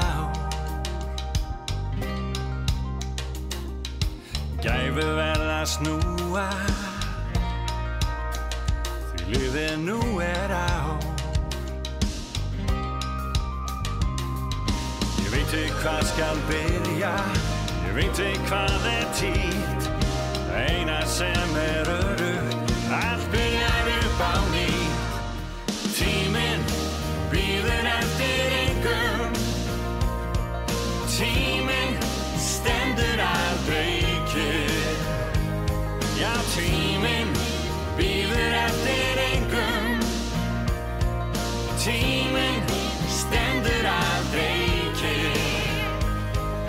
Er best að halda áfram og segja við sjálfan sig Ég hefði betur byrjað fyrr. Því að tíminn býður eftir engum Já, tíminn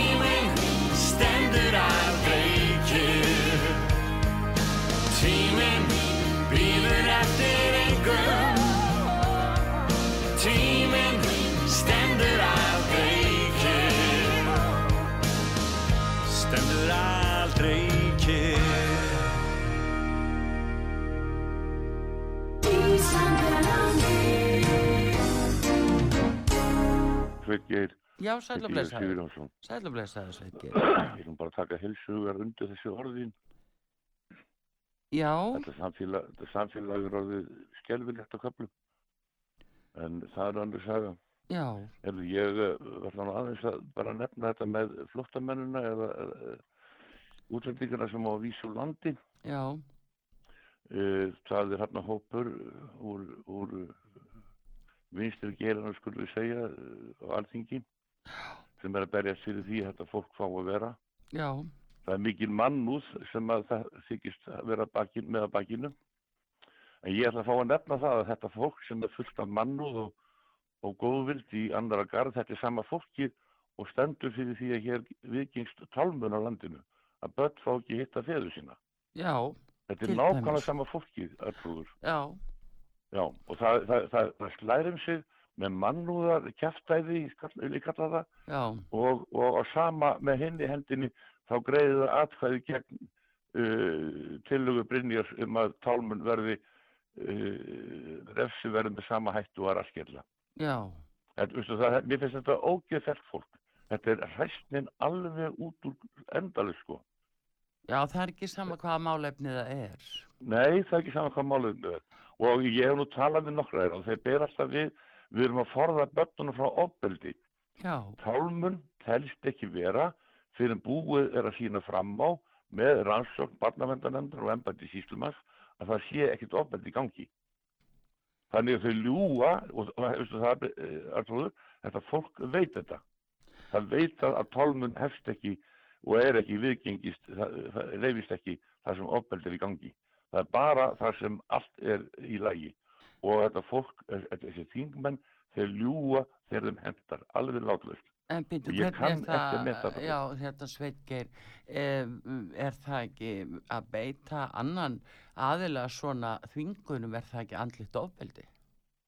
Jó, sko, eh, eh, sko byttu nú við, Arnfrúður, þetta fólk er að forða börnum frá ofbeldi, en tálmun er ofbeldi. Ég er að segja það, er ekki Já, tálmun tálmun er ofbeldi, Já, en það er alltaf látið eins og tálmun sé einhver, einhver, einhver bjargráð.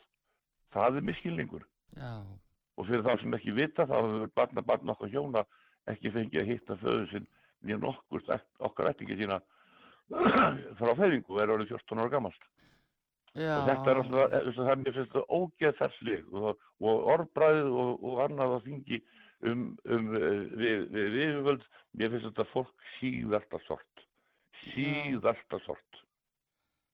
Já, ekki mér í dag, já, takk fyrir takk fyrir þetta.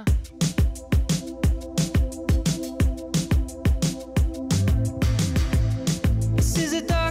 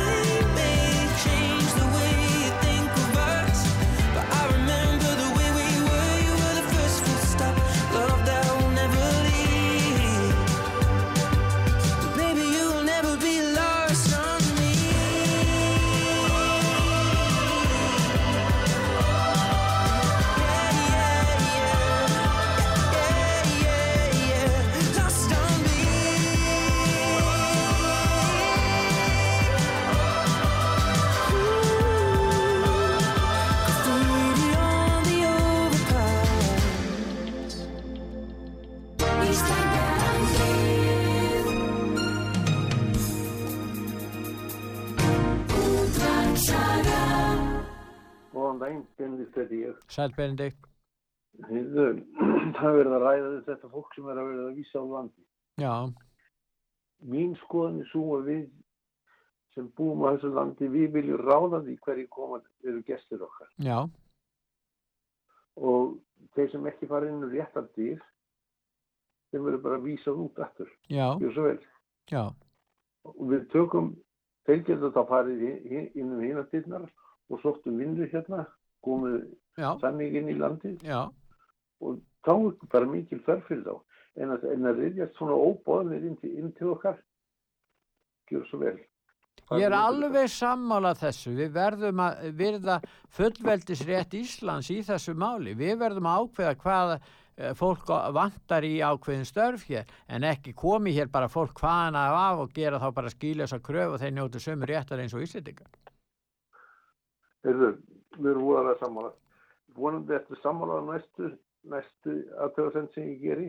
Já, Ef þú keirir Suðurland, hérna, ef við kosti var það í fyrra sumar, þá sérðu aldrei kýr út í haga. Þeim er öllum haldið inn. Og þetta er í, um, þetta er í umdæmi í Sigurðars Inga. já, Þetta er hérna, ég held að þetta sé bannað með lögum, sko. Ég held að ég hleypa dýrunum út. Ég held það. Er þeir með beljurnar inn í fjósinu bara allt sumari þá? Já, það virðist svo vera. Ég er nú ekki ægilega fróður í, í landbúnaðarmálum, Nei. en nógu fróður til þess að vita það að þeir þykjast þá betri nýttni út um með að halda þeim bara inni. Já, já, eins og segi. Það er lítið við að hugsa um skeppnuna sjálfar, sko. Já, Það er lítið hugsað um það. Þetta er svona, þetta er lítið á þess að blóttökum er af. já, já, já, ég skil. En ég treysti mér ekki til að svara þessu, ég hef bara ekki nægilega þekking á þessu og veit ekkert um hvernig það stendur á þessu, en, en þetta er svolítið ágætt og bendir á þetta, hérna Benedikt, að við getum skoða þetta.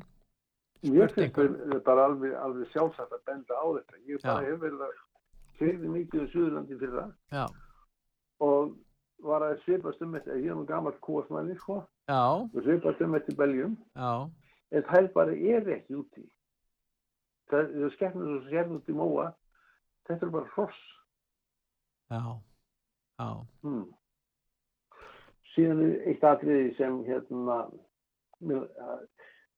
stuttu tími en samt að ég að reyna að skjóta þess að, já, að hérna, ég get ekki kipt bíl út á sjóninni.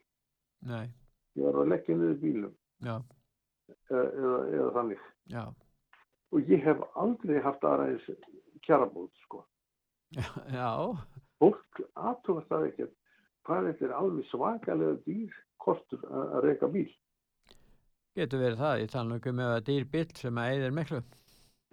Já, ég, ég meina sko það er bara öll, öll fasta gjöld af þessu. Já, já, já. Þess vegna er ég svona, hvað við segja, hlindu samfylkingunni í því að, að bæta hérna alme, almennis samgöngur. Ég, ég er alveg svarið það. Ég er hérna og er nú ekki vannur að tala um mína pólitísku skoðanir. Nei, nei, En nei, þetta nei. er rétt, rétt mál. Ég þess að það bæta á hallan að þá á að koma sundabröð á og ekki setna inn í gær. Þakka fyrir Benedikt. Ok, þakka fyrir. Blessaður.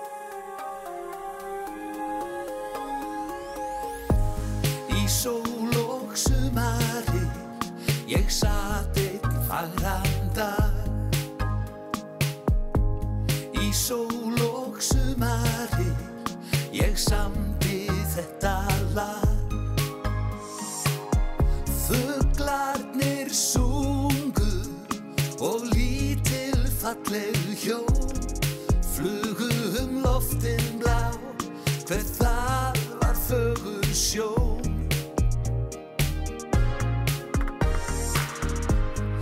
sól og sumarir sér léku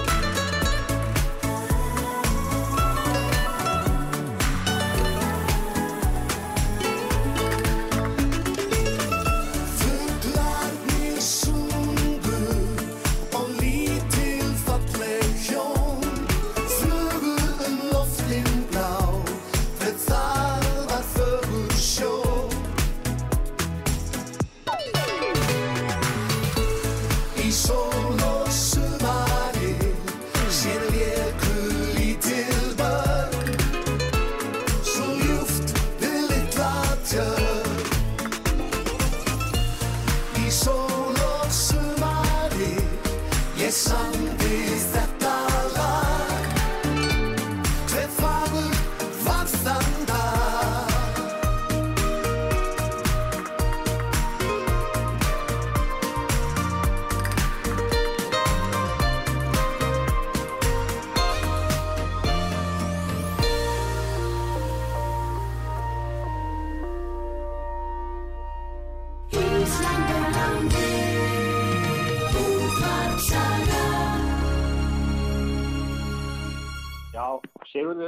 Sætt Sigurður. Heyrðu, ég er að hringja frá Nóri og ég hlusta mikið á sögu Já, og ég var svolítið svona bröðið þegar það var, það var eitthvað maður sem hringdi á það, Guðjón þetta náttúrulega, var að tala um einhver, einhverja rútu sem var leið. Guðni heitir hann, já, það er rétt. Já, Guðni, já, já, Já. rétt, já. Og ég fór svona að hugsa málið þegar að þið fóruð að ræða þetta mál en og uh, sagan sem hann sagði var það að dóttir hans hefði leikt einhverja rútu með sinu fyrirtæki og engi skildi neitt hvað bílstjórin sagði. En svo þegar að kemur að því að bílstjórn á hafa sagt að hann hafi aldrei keitt rútu þá skilja allir hvað hann segir. En var ekki bara málið að hann myndi það að hann hafði aldrei keitt svona bíl og hann var að keira í þessu tilfelli. Ég þekki náttúrulega ekkert máli frekar en þú eða aðri sem lustuð á Guðna, þannig ég bara veit ekkert hvernig þetta var.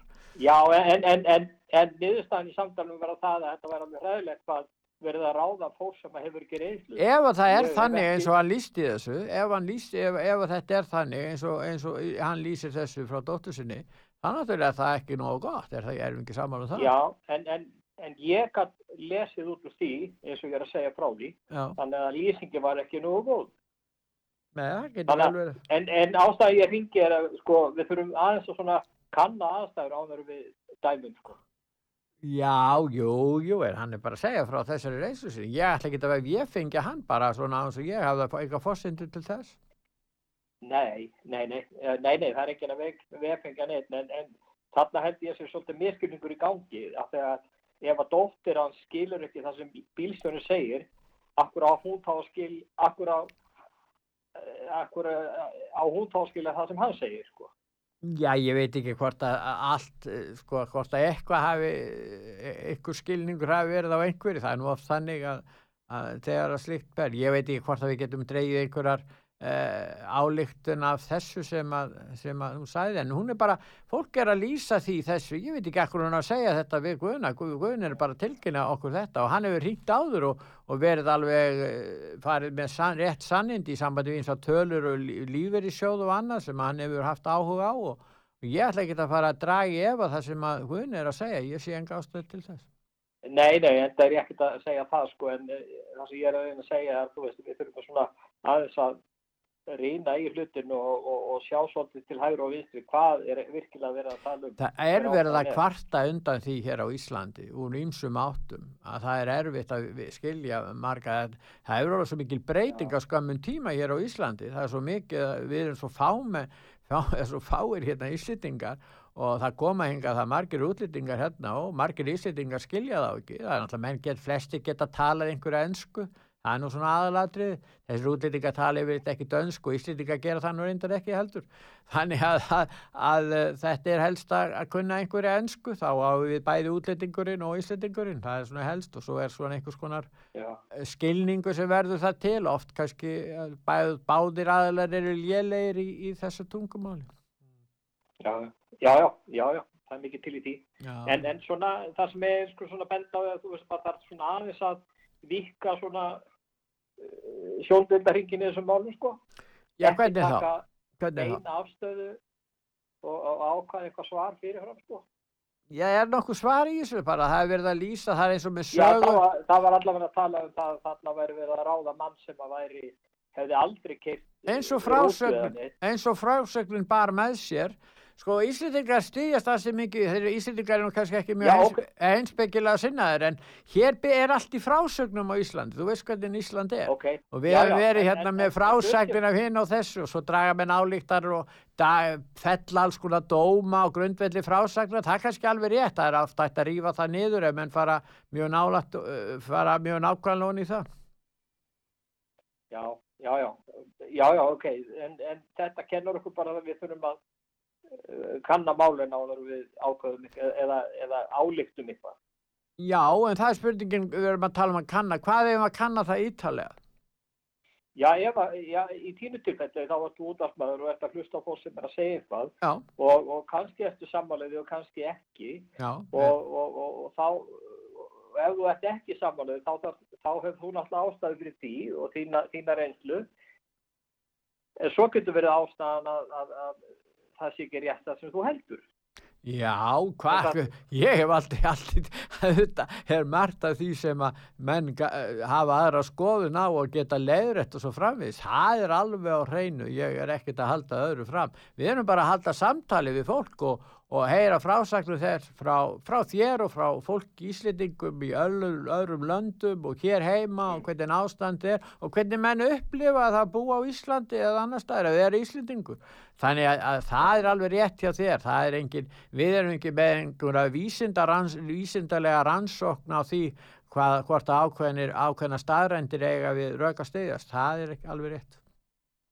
Nei, en, en, en, en það sem gerist ef að, ef að einhver samfærandi ringir inn og, og fólk virkilega trúir því að margi trúa því sem bara sagt er á Já. einhverja staðfestingar sko. og það, það sé ég að reyna svona Já, en er það ekki allstæðri í, í samfélaginu? Er það eitthvað bundið við e, það þegar fólk ringir í sög? Hvað þegar að menn er að skrifa í blöðu? Nei, nei, nei, nei, nei, nei, nei, nei. En, en ég veit ekki bara svo gaman að hlusta á sögu og bílunori og þetta er alveg frábært útvarp en, en, en þetta svona stuða mig öðru hóru að, að þú veist það sem fólk segir, já. það þarf ekkert að staðfesta og hafa neina staðfesting á það sem það er að segja, sko. Það, það er ég svolítið ósáttur við, sko. Já, ég auðvitað viljum við að menn getur raukstuð málsitt sér, en, en, en, en, þannig, en við verðum hérna, já, við hérna, Já, þú veit hvað það ég meina allavega. já, já, ég takka þið fyrir að ringja og, og hérna koma fram með þitt sjónamið. Já, bara áfram saga og... Já, þakka þið fyrir það. Bless, bless. Ég stend á sama stað. Og stóð ég forðum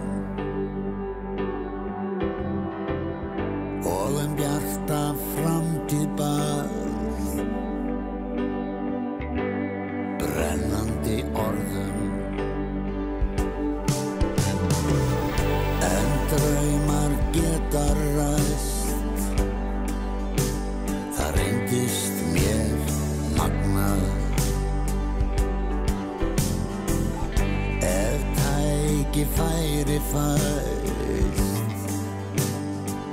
Yes, God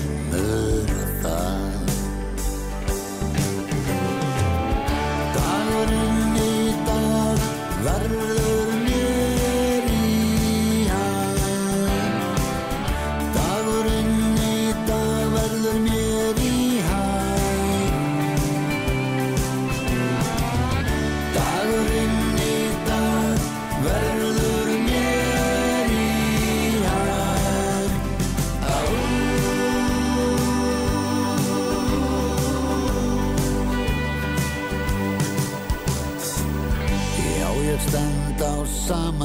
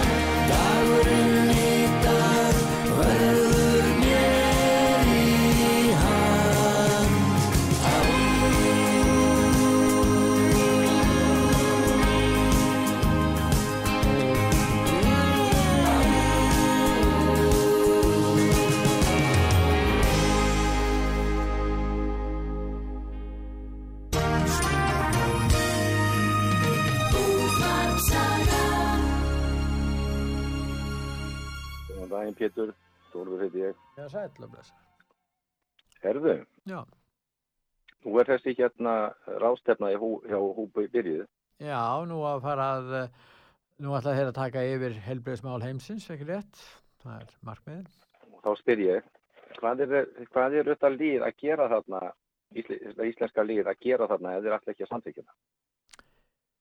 Eh, já, það er nú það. Þetta er stór mál og, og það er ýmsi sem eru farnir sem betur fer, fylgjast með þessu eins og, eins og menn geta lesið um á vefsíðun okkar útvarsaga.is Kallo Maria Vigano, erkibiskup sem hefur nú verið mjög snjall eh, Já, já, anstæðingur alþjóðavæðingarinnar. Þó hann tilheyri katholska kirkjunni sem er svona svo fleikar alþjóðavætt. En hann er um, fjall um þetta og, og, og, og hann segir á næstu dögum minu þjóðurna sem aðlast alþjóða heilbyrðismálastofna greiða á atkvæði um álíktanir um stjórnun alþjóða heilbyrðismálastofnar á heimsföröldrum.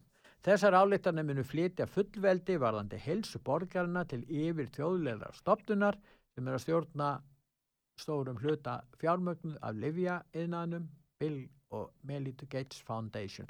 Þetta er það sem við höfum ekki heimil til að gera, við megum ekki selja, framselja fullveldi til alþjóðleira, yfirþjóðleira stofnana sakað íslensku stjórnarskráni. Þannig ef þeir ætla að gera þetta, þá er þeir að brjóta íslensku stjórnarskrá.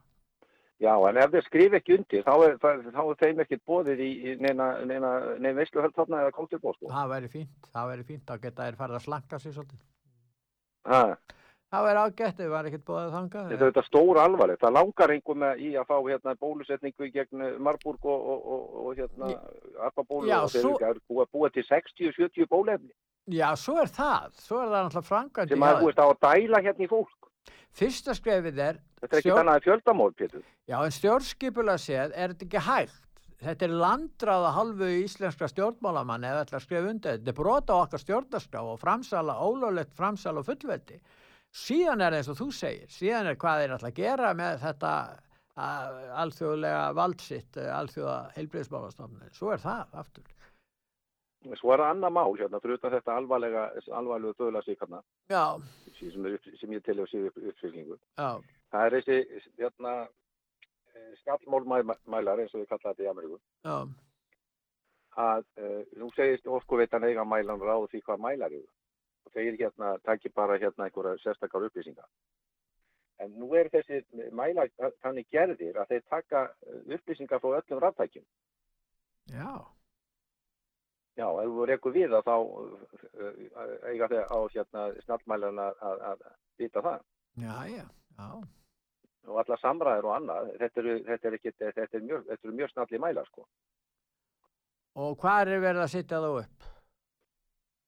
Það er verið að setja snallmælu upp hérna í Reykjavík Já, og eins og veist það eru njóstnatæki inn í öllum ráttækjum sem framleitir eftir hérna stórfyrirtækjum eftir 90 og, og eitthvað. Þetta er bara staðveit. Og hvernig getur orkuveitan tryggt það að, að sá sem að er, er með kerfi, að segja kýmverski kommunistaflokkurinn, að hann sé ekki að safna þessum upplýsingum? en svaraði nokkur því ef menn spyrja um slíkt, áttu vona því? Já, það var eitthvað sem fekk það svara að, að þeir réðu þessu, hérna hvaða mæla þeir, þeir ættu mæla og réðu því hvaða mæla þeir notuðu. Nei, nei, nei. Já, svo ætla þeir að notfara hýpili fólks hérna þess að flytja þessar upp- upplýsingar. Þessar vöru. Og það er mér líka þannig bara alls ekki, sko. Þetta eru njóstnatæki í öllum, öllum, öllum raftækjum. Þannig að þú segir eitthvað heima hjá þér og komið svona mæli, þá er alveg örugt að það, fer, það er sendt. Já, en, en sko við, það, samt er ágætt að vita það hvort að íslenska sendinemdin á vegum e, ríkistjórnarinnar ætlar að samþykja þetta sem að alþjóða heilbríðismálastofnunni fer fram á, þá sko er það alveg klart, það er ekki hægt að fela lengur í raun og veru uh, sko hva, hvert þessi ríkistjórn stefnir í raun og veru í alþjóðavæðingu. Og ef að að Putin samþykir þetta, Ætti hann að samþykja þetta? ég, það var það ekki á sögu sem ég lasi, þannig að í Brasilíu ætlar ekki að samþykja þetta. Ég veit það ekki, það er ýmsir... eh, Já, hann er þarna Bolsan og allar segist ekki að samþykja þetta. Já, bætin stjórnum myndi nú vilja samþykja, ég veit ekki með hvort að barndæriska þingi fá að taka afstöð til það eru margir á móti þessu þar. Margir, það er það nóg. Já, já, svo er hann á þingkostningar reyndar í nóvumber, ég er nokkið vissum að, ég veit ekki hvort að þetta mál verið ofalega, eru nú allar hættu við verðbólk og, og orkuverðsækkanir í Ameríku núna. Það, þeir hafa ekki áhuga á þessu því að þetta er þakka niðra fjölmjölum Já, já, svo er það líka. sem landráðar ástefna. Já, já, það eru flesti fjölmjölar sem fjalla ekki mikið um þetta, þetta er Mm. rétt. Það var í svo eitt fjölmjöl sem gerir það núna í bandaríkjum. þeir eru svo, svo hrættir, þeir eru svo hrættir, og veist, að þeir eru hvað, 5.000 fermenn hann allir að gæta, gæta, gæta hann. Já, já, já, Passa upp, á- upp á þetta lið. já, já. Mm. Þetta er svona, nú hann segir hérna hann Carlo Maria Vigano, erkibiskup, hann uh, segir líka í framhaldi sem ég var að segja á þann, Hann segir ef þessar álíktanir alþjóða heilbíðismálastofnanunan verða samþýtta með meiri hluta mun alþjóða heilbíðismálastofnuna hafa allræðislegt alþjóðavald þegar um heimsfaraldri er að ræða til að setja alla reglur þar á meðal sóttkví, lokun, skildubólusetningar og bólusetningar vegabref. Svo kemur þetta sem að menn verða að hafa í hugaþórður. Einni ber að hafa í huga að þessi samtök njóta friðhelgi og því er hvorki hægt að sækja meðlimi þeirra til saka nýja sakfella ef þeir fremja glæpi og það er ekki hægt og að sækja þá fyrir lögsækja þá fyrir domstólum í sambandi við, við, við, við, skadabætur og annað slikt. Þetta er alveg ótrúlegt að þetta er nú svona. Þakka ég fyrir Þórður. Já, það Bless. var gott. Bye. Cause the time was never there. It was shattered everywhere. And the hearts, they missed the beat.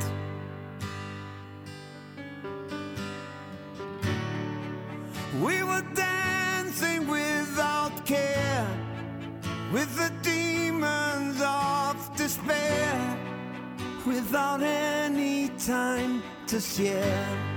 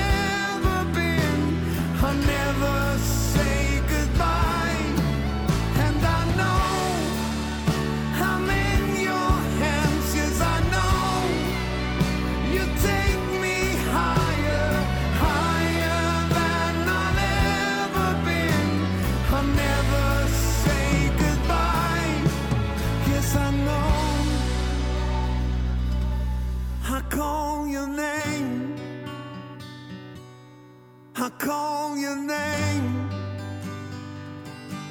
I feel the shame.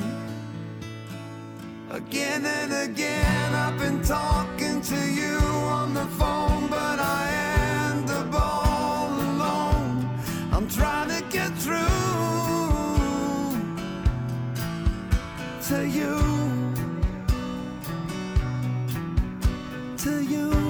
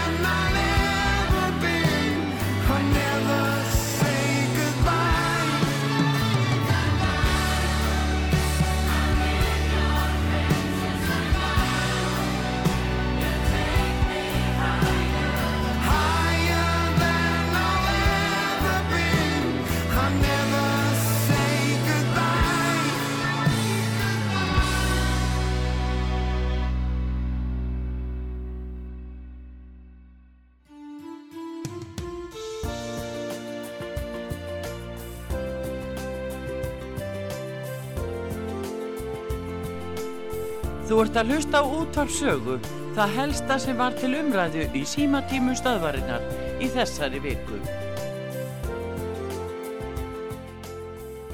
Já, Elín heit ég.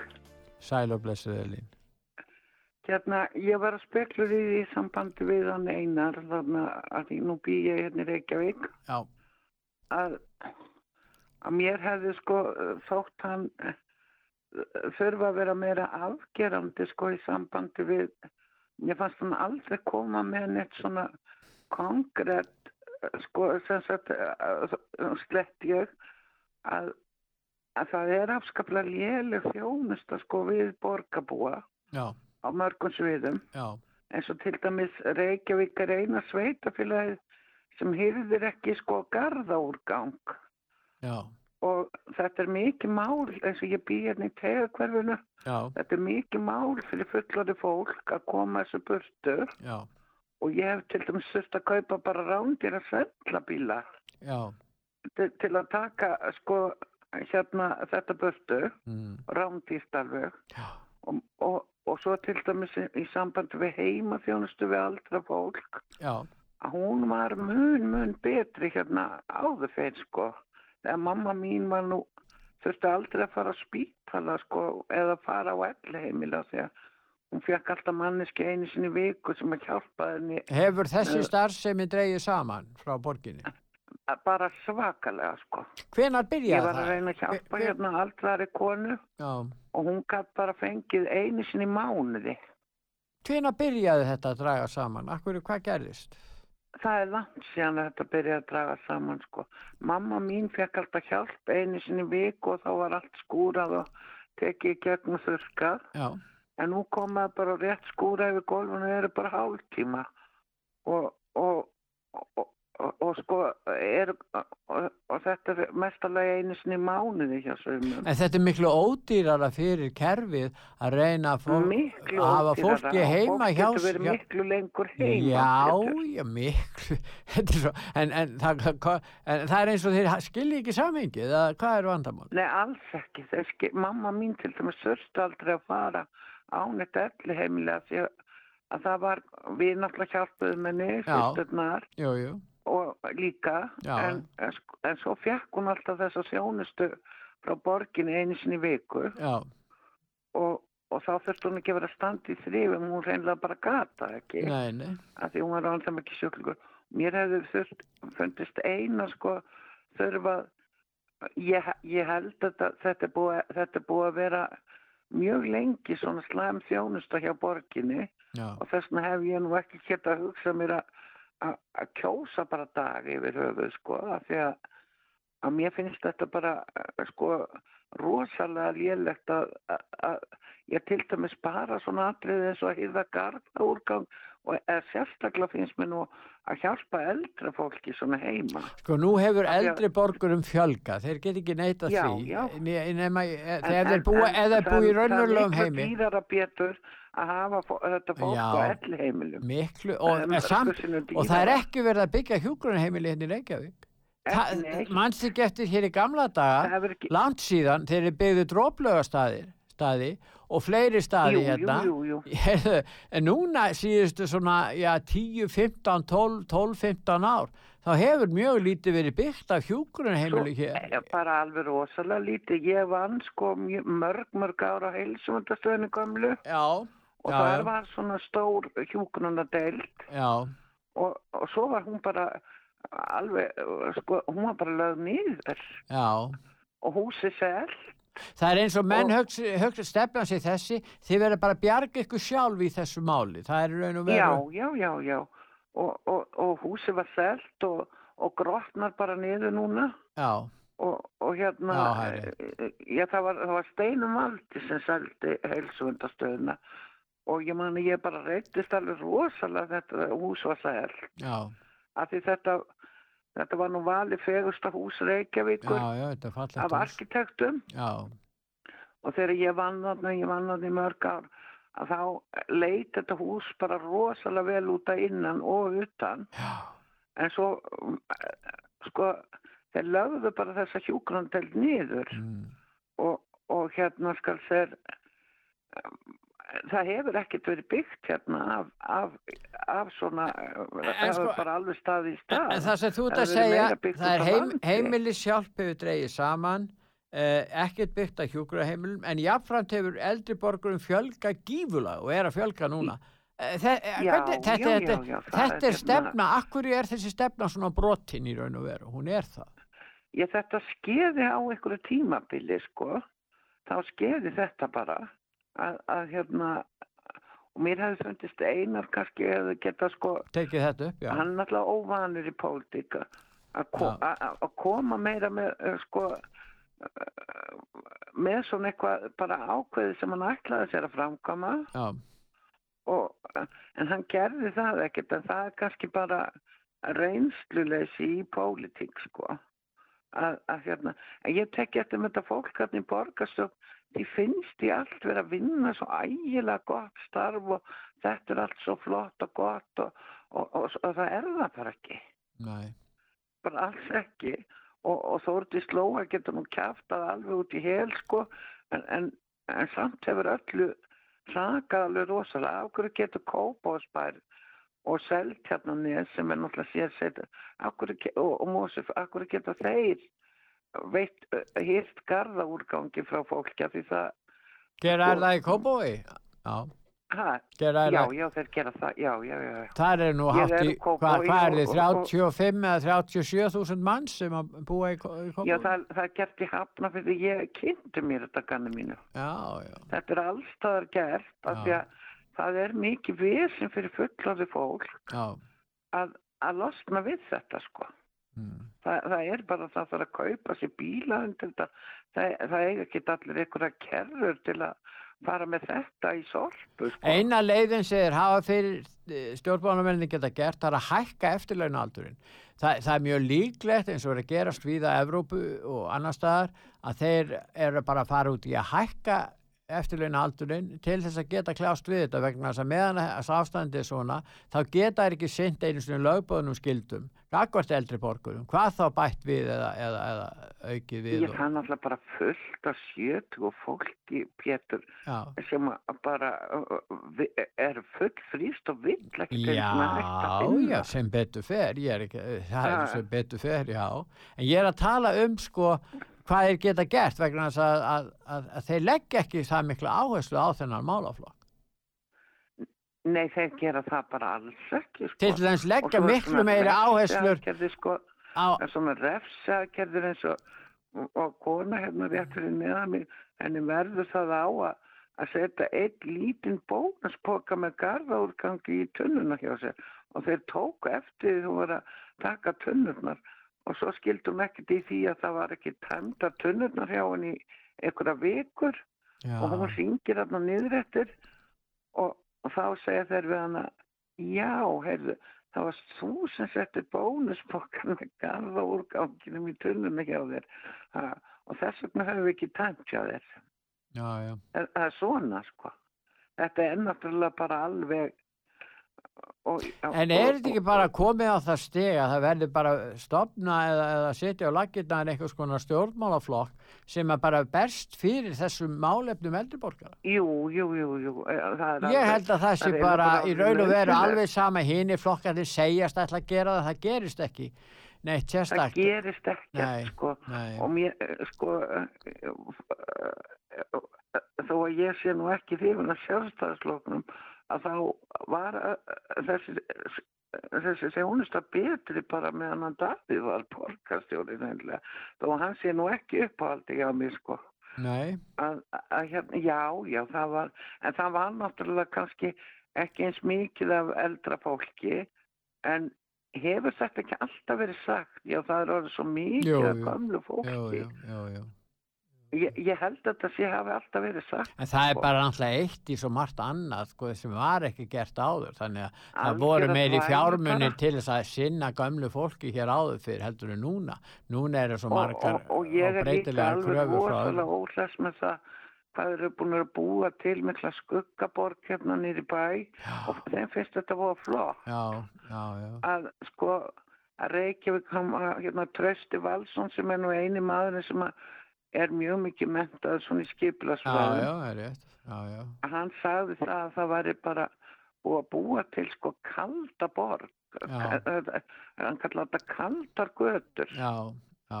eins og eh, þarna nýr á Linda fyrst þegar að turnarnir í svo þarna á Lindagötunni eða, eða skólagötunni að þá var ég að fara með vinkonu minni í regnbóa bíóið þarna Já, og við lagðum þarna eitthvað stað bakveg þessar blokkir Já. og þegar við sáum hvernig Lindagatan var orðin bara öll í skugga meir og minna við, við fengum bara sjokk já.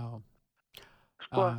það þýðir ekkert að byggja svona sko, hérna eh, og þetta býr til alveg rosalega vindsveipi og, og, og hérna og Reykjavík var alveg nóg kvöldborg á það svo það var ekki verið að bæta á það sko og, og, Takk. Og, svona vittlisa í skipilasmálum eins og ég hef aldrei séð annað eins eins og þeir, þeir ætla að byggja bústaðveginum alveg niður í götu Já.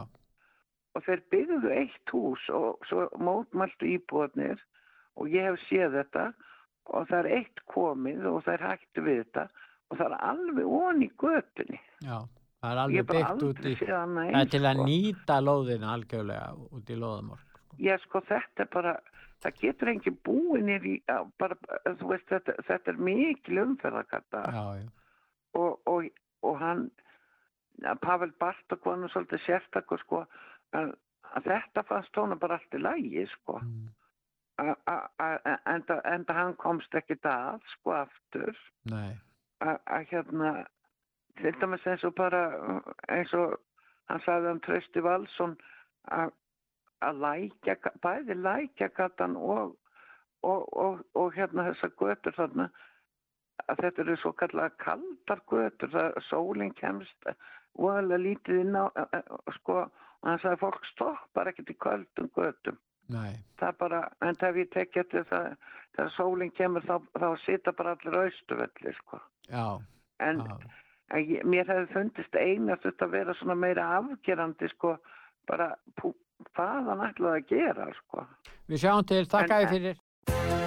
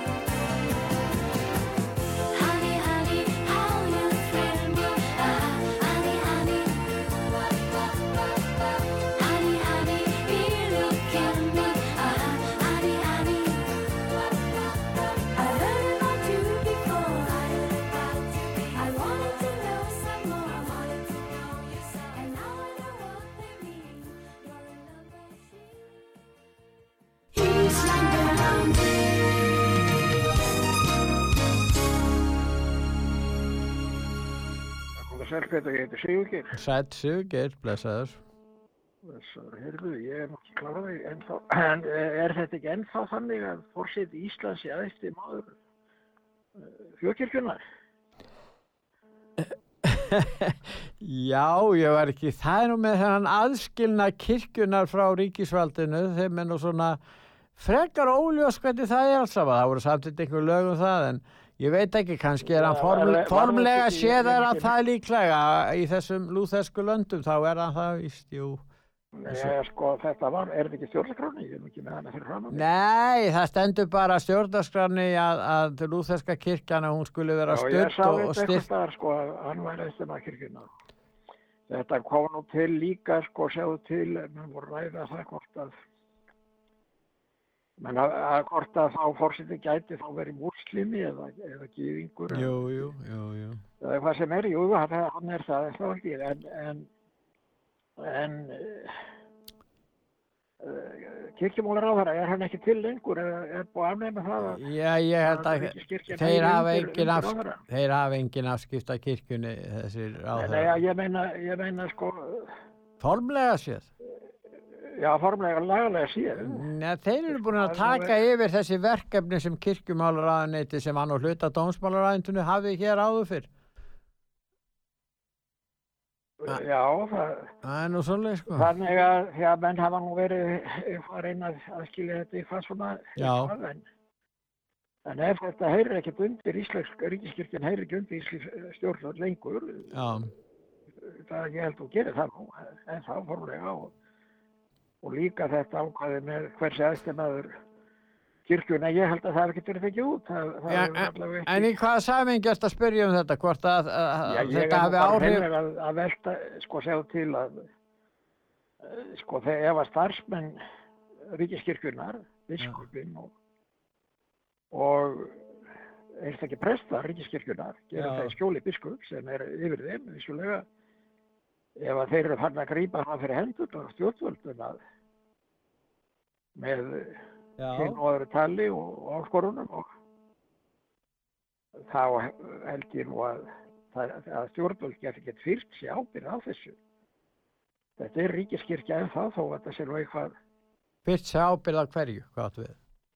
já ég á við það ef að biskupin stígur bara fram og, og segir það að stjórnvöld að gera eitthvað sem að, sem, já ég, við staðum nú í Kristi síðgæði, Já, já. og verið að geta það endalast upp, Kristi síðgæði er ekkit betra heldur en önnur, önnur, það er ekki, sjáðu til það eru lönd í veraldi eins og Japan sem er ekkert með Kristi síðgæði og, og það Já, það þeir eru ekki bókstaflega kristnir miklu minni Japanir, heldur en hafa víða. aldrei þannig verið að þetta, sko svona, svona og svo þegar við erum hóta munnum helvítisvist og hinn og öðru og ég veit ekki hvað og hvað og sko þá er nú þessi ríkiskirkja hún er nú farin að hún gerði þetta ekki. Hún gerði þetta ekki. Býtu við, ert að tala, ert að tala um þá ummæli biskups í sambandi við þessi málefni já, já, já, ég, er bara bara beinlýst að því.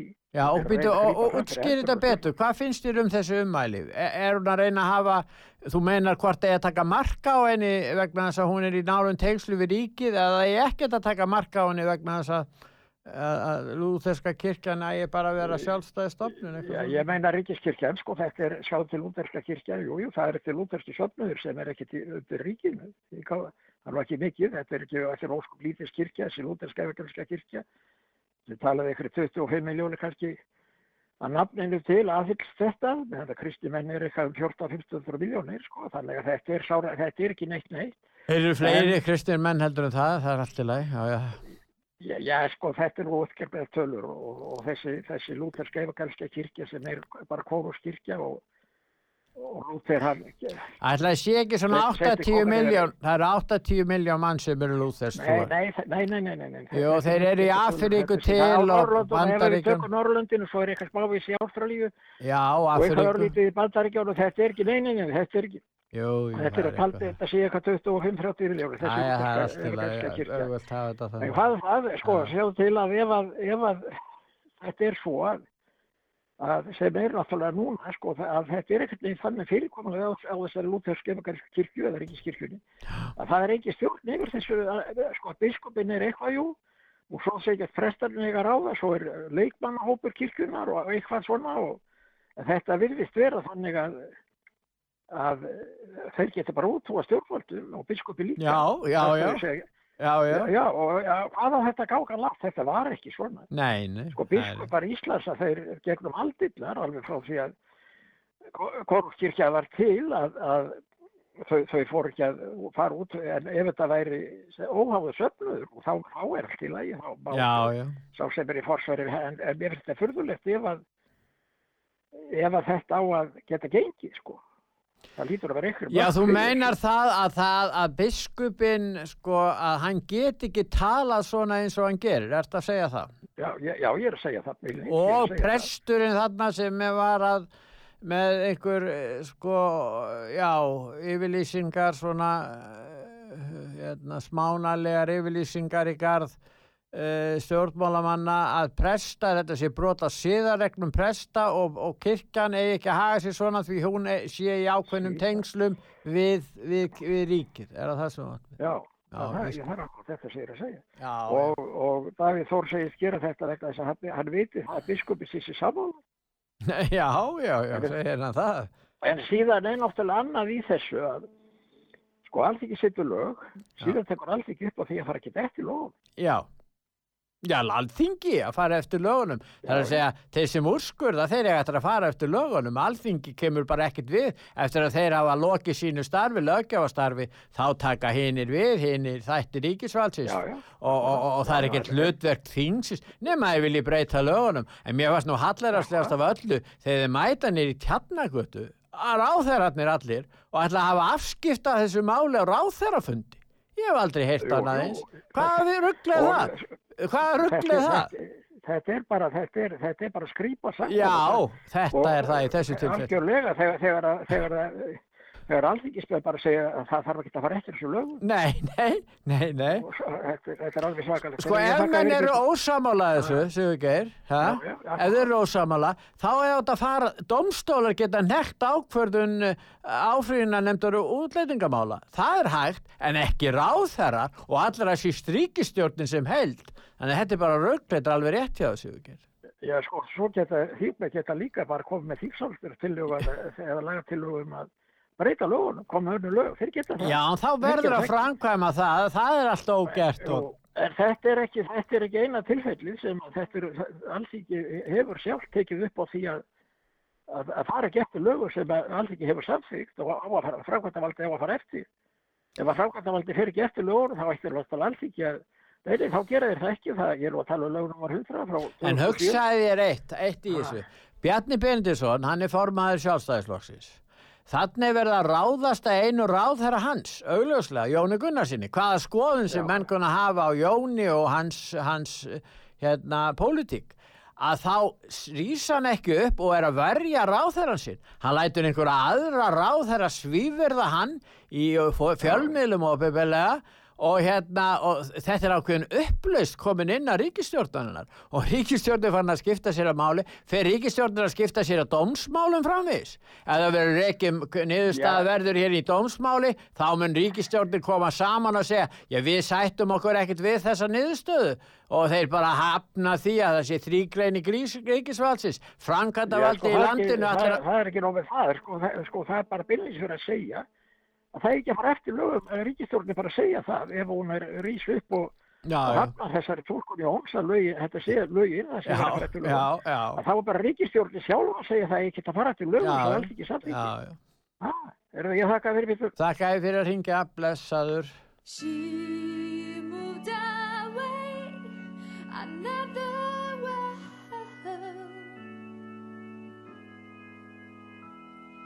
She away.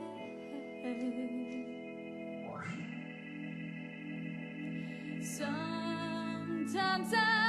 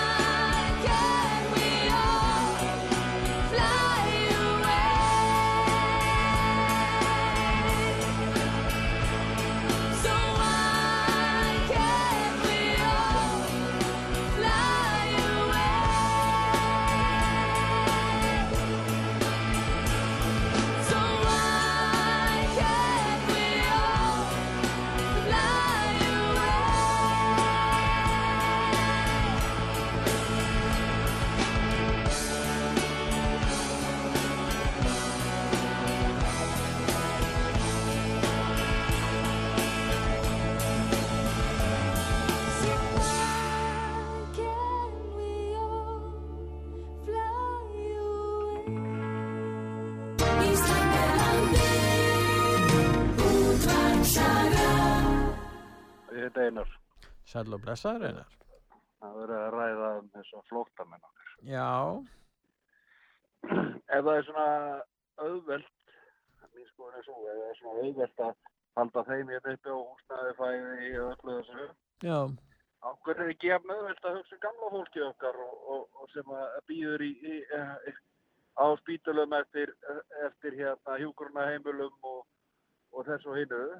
Þeirri spurning er Það ekki- kosti nokkuð meira heldur en að halda upp þessum 300 flótamönnum. þeir eru, já, þeir eru enda miklu fleiri, ég held að séu þúsund hérna. Já, já, en ég er að tala bara þetta sem við erum að tala um í dag. Já, já, En ég þetta- meina, Þetta gleymist alltaf, okkur hugsaum við ekki um fólkið okkar áður við förum að hugsa um eitthvað annað. Það, uh, uh, mér finnst bara að að þegar við erum farin að hugsa um okkar fólk almennilega, að þá, þá er kannski allt í lagi að fara að hugsa um aðra, sko. En byrjum á að hugsa um fólki sem að, sem að byggja þetta land og annað, áður en við verum að hugsa um lótamenn, sko. en stjórnmálamennir neita að svara þessari spurningu sem þú setur fram. Já, það, þeir myndu aldrei svara því. Nei, og þeir svara að því það væri fullt gert fyrir fólki á Íslandi. Já. Það er bara að kjæfta því. Já, já, Og- þeir og segja hérna, það. En, en það er ekki verið að, það er ekki verið að, að, að mótmæla og, og, og, og, og, og annað þegar að, að, að tala um þetta fólk. Sko. Ég bara, mér finnst það háboruna skammar að að fólk skul ekki, skul ekki standa upp. Ég meina, það er fullt af fólki sem að, á slæmt eins og mér finnst allt til að, að að hjálpa þessum úgræðinu fólki og annað.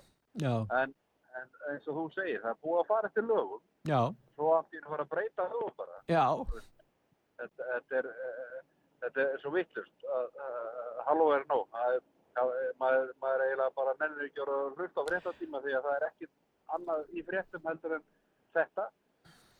Og þetta virðist vera eitthvað með þessa nýju kynslu sem er komin á alþingi það er nú eitt þarna frá samfélkingunni held ég ungur sem að vil banna nagladekk og vil banna þetta og banna hitt og, og ég meina hver endar þetta ef við ætlum að vera að halda öllum hér sem kom og sækjum og þú veist það alveg að ef, að, ef, að, ef að þetta fer að vera eitthvað góðsöld land fyrir flótamenn að þá ringja ég bara út af þau, komið þið hingaði já, já, það er rétt.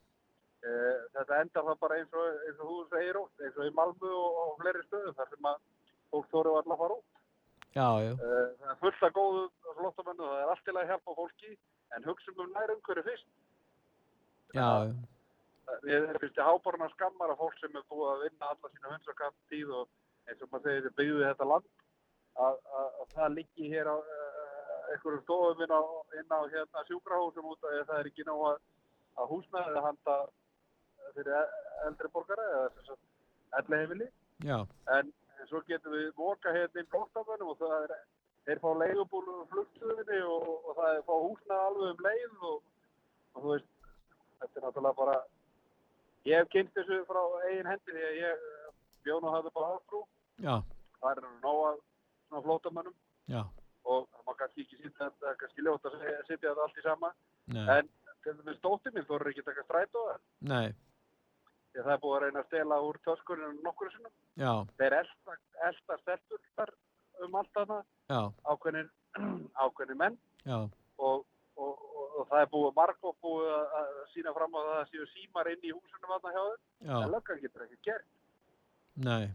En það er aðteglisvert, það er verið að tala um það og stjórnmálamenni segja eru sári við því hvað er búið lítil virðing fyrir þingin og stjórnmálastjættinni. Þetta mál sem við erum að tala um er gott dæmi um það hvers vegna það er búið lítil, því, a, a, lítil a, hérna, virðing fyrir þinginu og fyrir stjórnmálastjættinni. Þeir fari ekki eftir reglunum sem þeir eiga að starfa eftir sjálfur. Það koma, kemur saman ráð ríkistjórnin kemur saman hérna í tjarnagötun á ráðherrafund út af þessu máli sem á að vera afgreitt af dómskerfinu. Það er að segja, þe- þetta er svo alveg fráleitt hvernig þeir haga sér og leifa sér að haga að starfa, þannig að er, þú þarf ekki að vera hissa því að fleiri og fleiri íslendingar bara eru hættir að hafa nokkra trú á þessu kerfi okkar. Þeir eru að í raun og vera að leggja þetta stjórnskipunarkerfi okkar í rúst.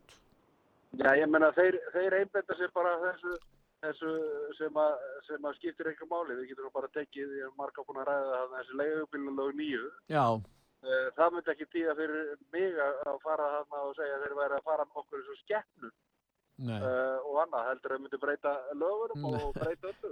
Nei. Það, það er Íslandíkar, skilur. Það skiptir einhver máli. Það er það sem að mér finnst, og það, þess vegna finnst mér ekki fyrir þó að fólk virði þetta alls ekki, ekki neitt. Því að þeir gera bara þess að þeim hendar hverju sinni.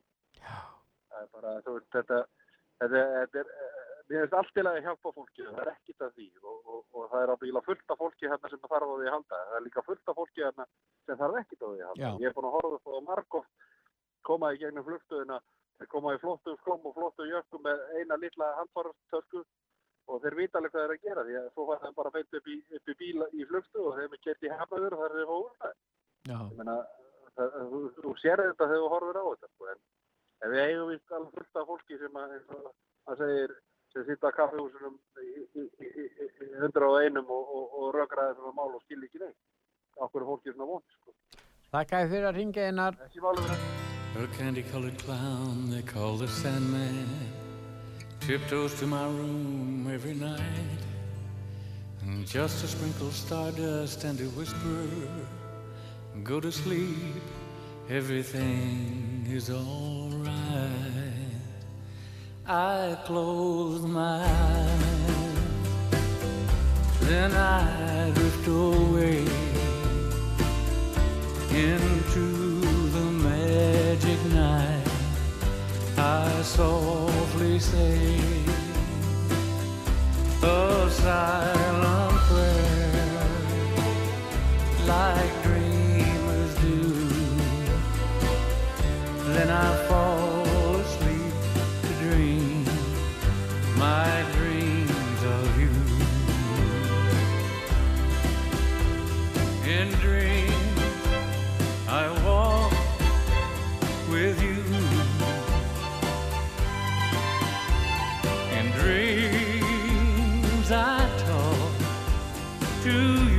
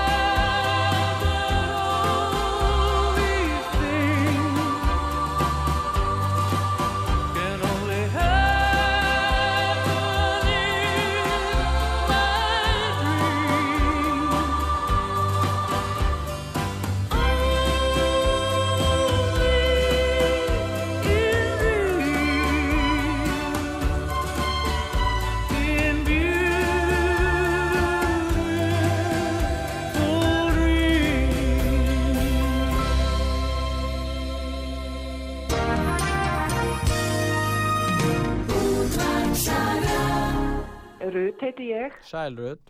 Mér langar svo til að því að vera að tala hérna um, skal ég segja, húsnæðis vandamál hérna bara á Íslandi, bara reynilega. Já. Og ég bý hérna í meðbænum og það skiptir eiga og hérna, ég bý í svona blokk og, og það er íbúð, tvær íbúður búin að vera, ég, ég verði að segja frá þessu, bara tómar í tv, eitt og hálft ár. Já. Já, og þarna, og ég skal ég segja þér, komst að því að það er svo mikið mikla, ég bý í þessu húsi Já. og þetta er skelfilegt ástand og þarna... Er mikla í Ég- húsinu? Já, það, það kom upp mikla í íbúðinni fyrir neða mig Já. og þess vegna vilja, ég hringdi félagsbústaði, þetta er félags, vegu félagsbústaða Já. Heyrðu, og ég afna bara talaði við og tæpi tungulaust og þeir hummuðu þetta svona, vildi ekkert svara mér, hummuðu þetta svona af sér. Já, já. Og já, þetta er nefnilega svolítið, ég sagði akkur ekki að taka þessar íbúður í gegn og einmitt með þetta blessaða fólk sem er að koma hérna. Já. Já, einmitt, og það er verið að vandraðist þetta hægra og vinstri yfir öllu. Já. þá svara hann ekki og ég sagði já það er þetta að bjóða okkur hérna Íslandikum fár, verum, ég er búin að vera veik ég er ekki verið að tala um veikindi Mm. sem ég flutti í hérna kofa þetta hús er eitthvað sagt ég er veistu það er svolítið reyði ég er svo reyði yfir þessu Það er verið að, gott þú minnist á þetta, vor, ég var að Já. skoða það frá sérfræðingi sem að það er verið að skoða það og rannsaka miklu og áhrif miklu og í húsnæði og þetta getur valdið krabbameini. Það eru alls konar Já. tegundur af krabbameini sem þetta getur valdið. Og bara ekki bara það Það, já, þetta veldur, þetta veldur, sko, fólk verður veikt af þessu og auðvitað æga náttúrulega eigendur húsnæðisins, félagsbústæðir að vinna í Já. því þó það væri ekki nema að reyna að reynsa út þessa miklu ef það er hægt nema að verða að brjóta niður allt húsið. það er ekki hægt, það er ekki hægt í ekki þessu húsi sem ég bý í. Nei, ég vil nú ekki vera að segja hérna alltjóð frá hvar ég bý Nei. en ég get sagt þér annað Já. að það fara að leka sko að ég fyrir ekki, Pétur, ég ætla nú ekki að fara að segja þér allt, mér liggur svo margt á já, hérna allt í lagi, gjör það svo vel. og þetta er alveg svakalegt, ég get sagt þér það að ég er mjög hraust kona. Já, og ég hef alltaf verið fíl hraust og þegar ég flutti í þetta hús þá byrjaði bara að vera svona slögt já, alltaf, alltaf, hvert sinn sem ég fer hérna út og er kannski burt í viku já, þá er eins og ný manneskja já, já, já, já. Já. Já. Og ég ætla að segja þér annað, af því ég veit að það er ekki langur tími sem þú hefur til að, hefur þá, svo hringdu ykkur höfðingjar hérna frá félagsbústöðum og spurðu hvort þau mættu koma og, og þeir ætla að fara að gera aðtún á húsinu. Já. Það var svo gamalt hús. Já. Ég sagði að þeir verið velkomnir, algjörlega velkomnir. Mm. Heyrðu, þeir komið hérna, ykkur tveir, ég, sko ég ætla ekki að vera dóðanlega, ykkur tveir apar, ég segi bara að ég kalla þess að menn apa. Heyrðu, og þeir voru með ykkur myndavél og fóru að mynda alltaf, ég segi, heyrðu, hvað, ætla ekki að, ég hleypti þeim inn. Og ég sagði, "Þa- það er bak við ískapin, fóru að sína þeim ímislegt, Já. þeir humma þetta, veistu það, þeir, þeir humma þetta bara af sér. taka myndir bara, já, já. Já, og mér var, mér, mér var þetta ó, svolítið ósvífið. Ég sagði þeim bara, "Eh, þetta alveg gott, sagði ég bara. En til hvers, og til hvers ég, komu en- þeir? Hver var, hver, var til, hver var tilgangurinn með komu þeirra?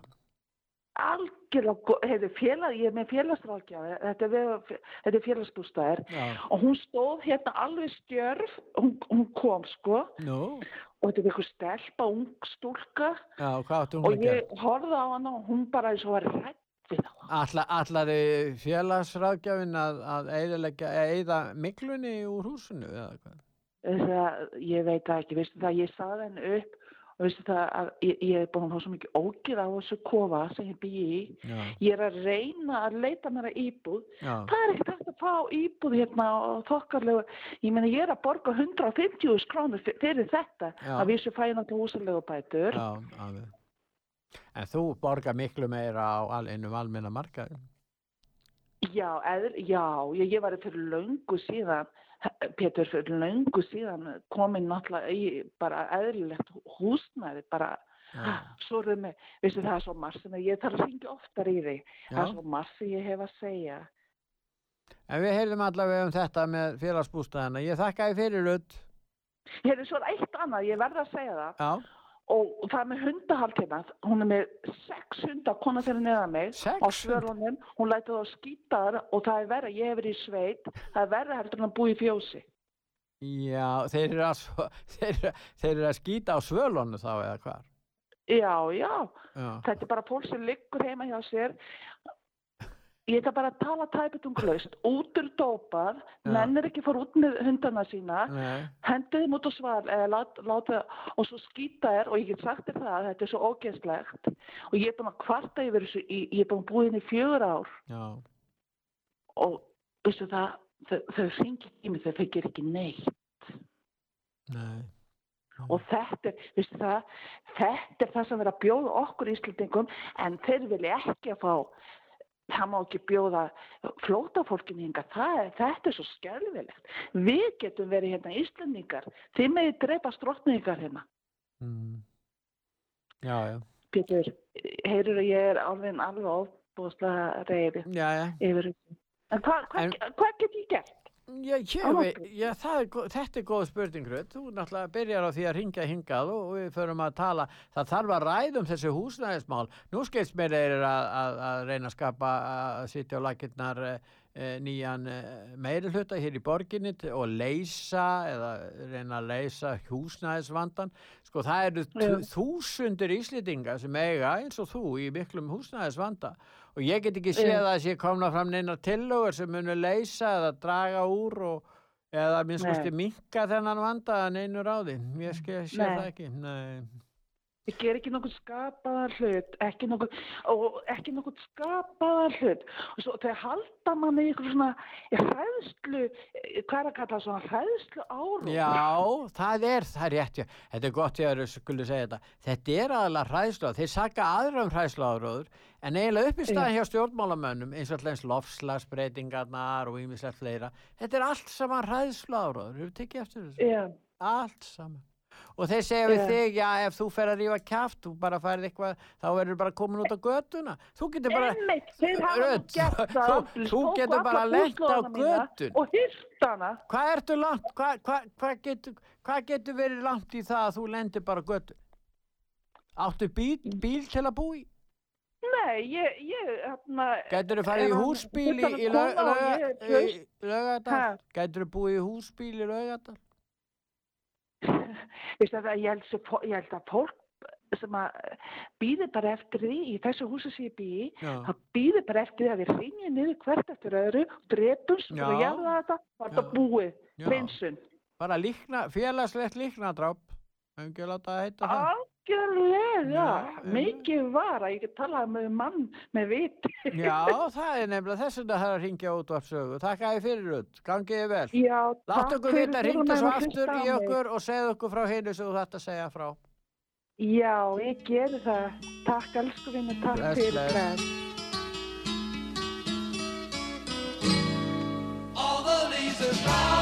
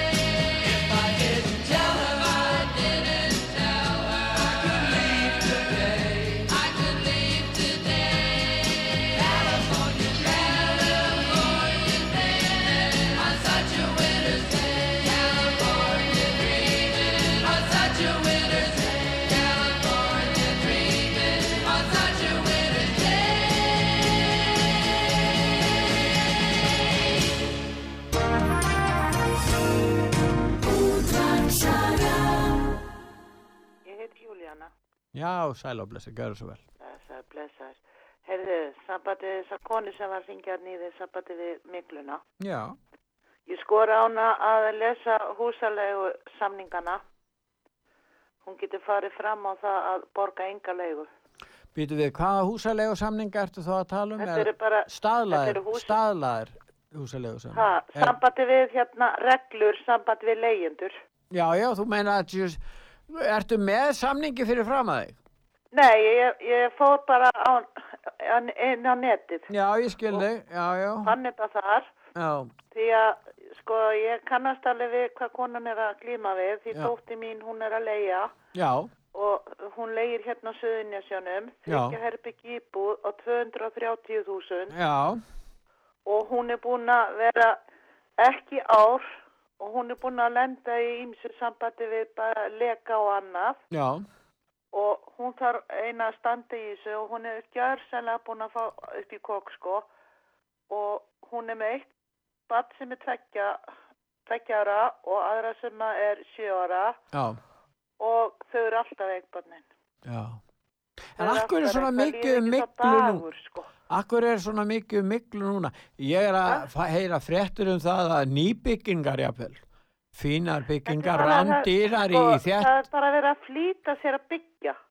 já. Þetta er illa byggt og illa einangrað þessar íbúðir. En við erum að tala um dýrar e, byggingar og þjættbílisreitu hérna í borginni að þær eru, ko- sko þetta er óski, eða eitt skiljanlegt að ástandi skulle vera svona núna.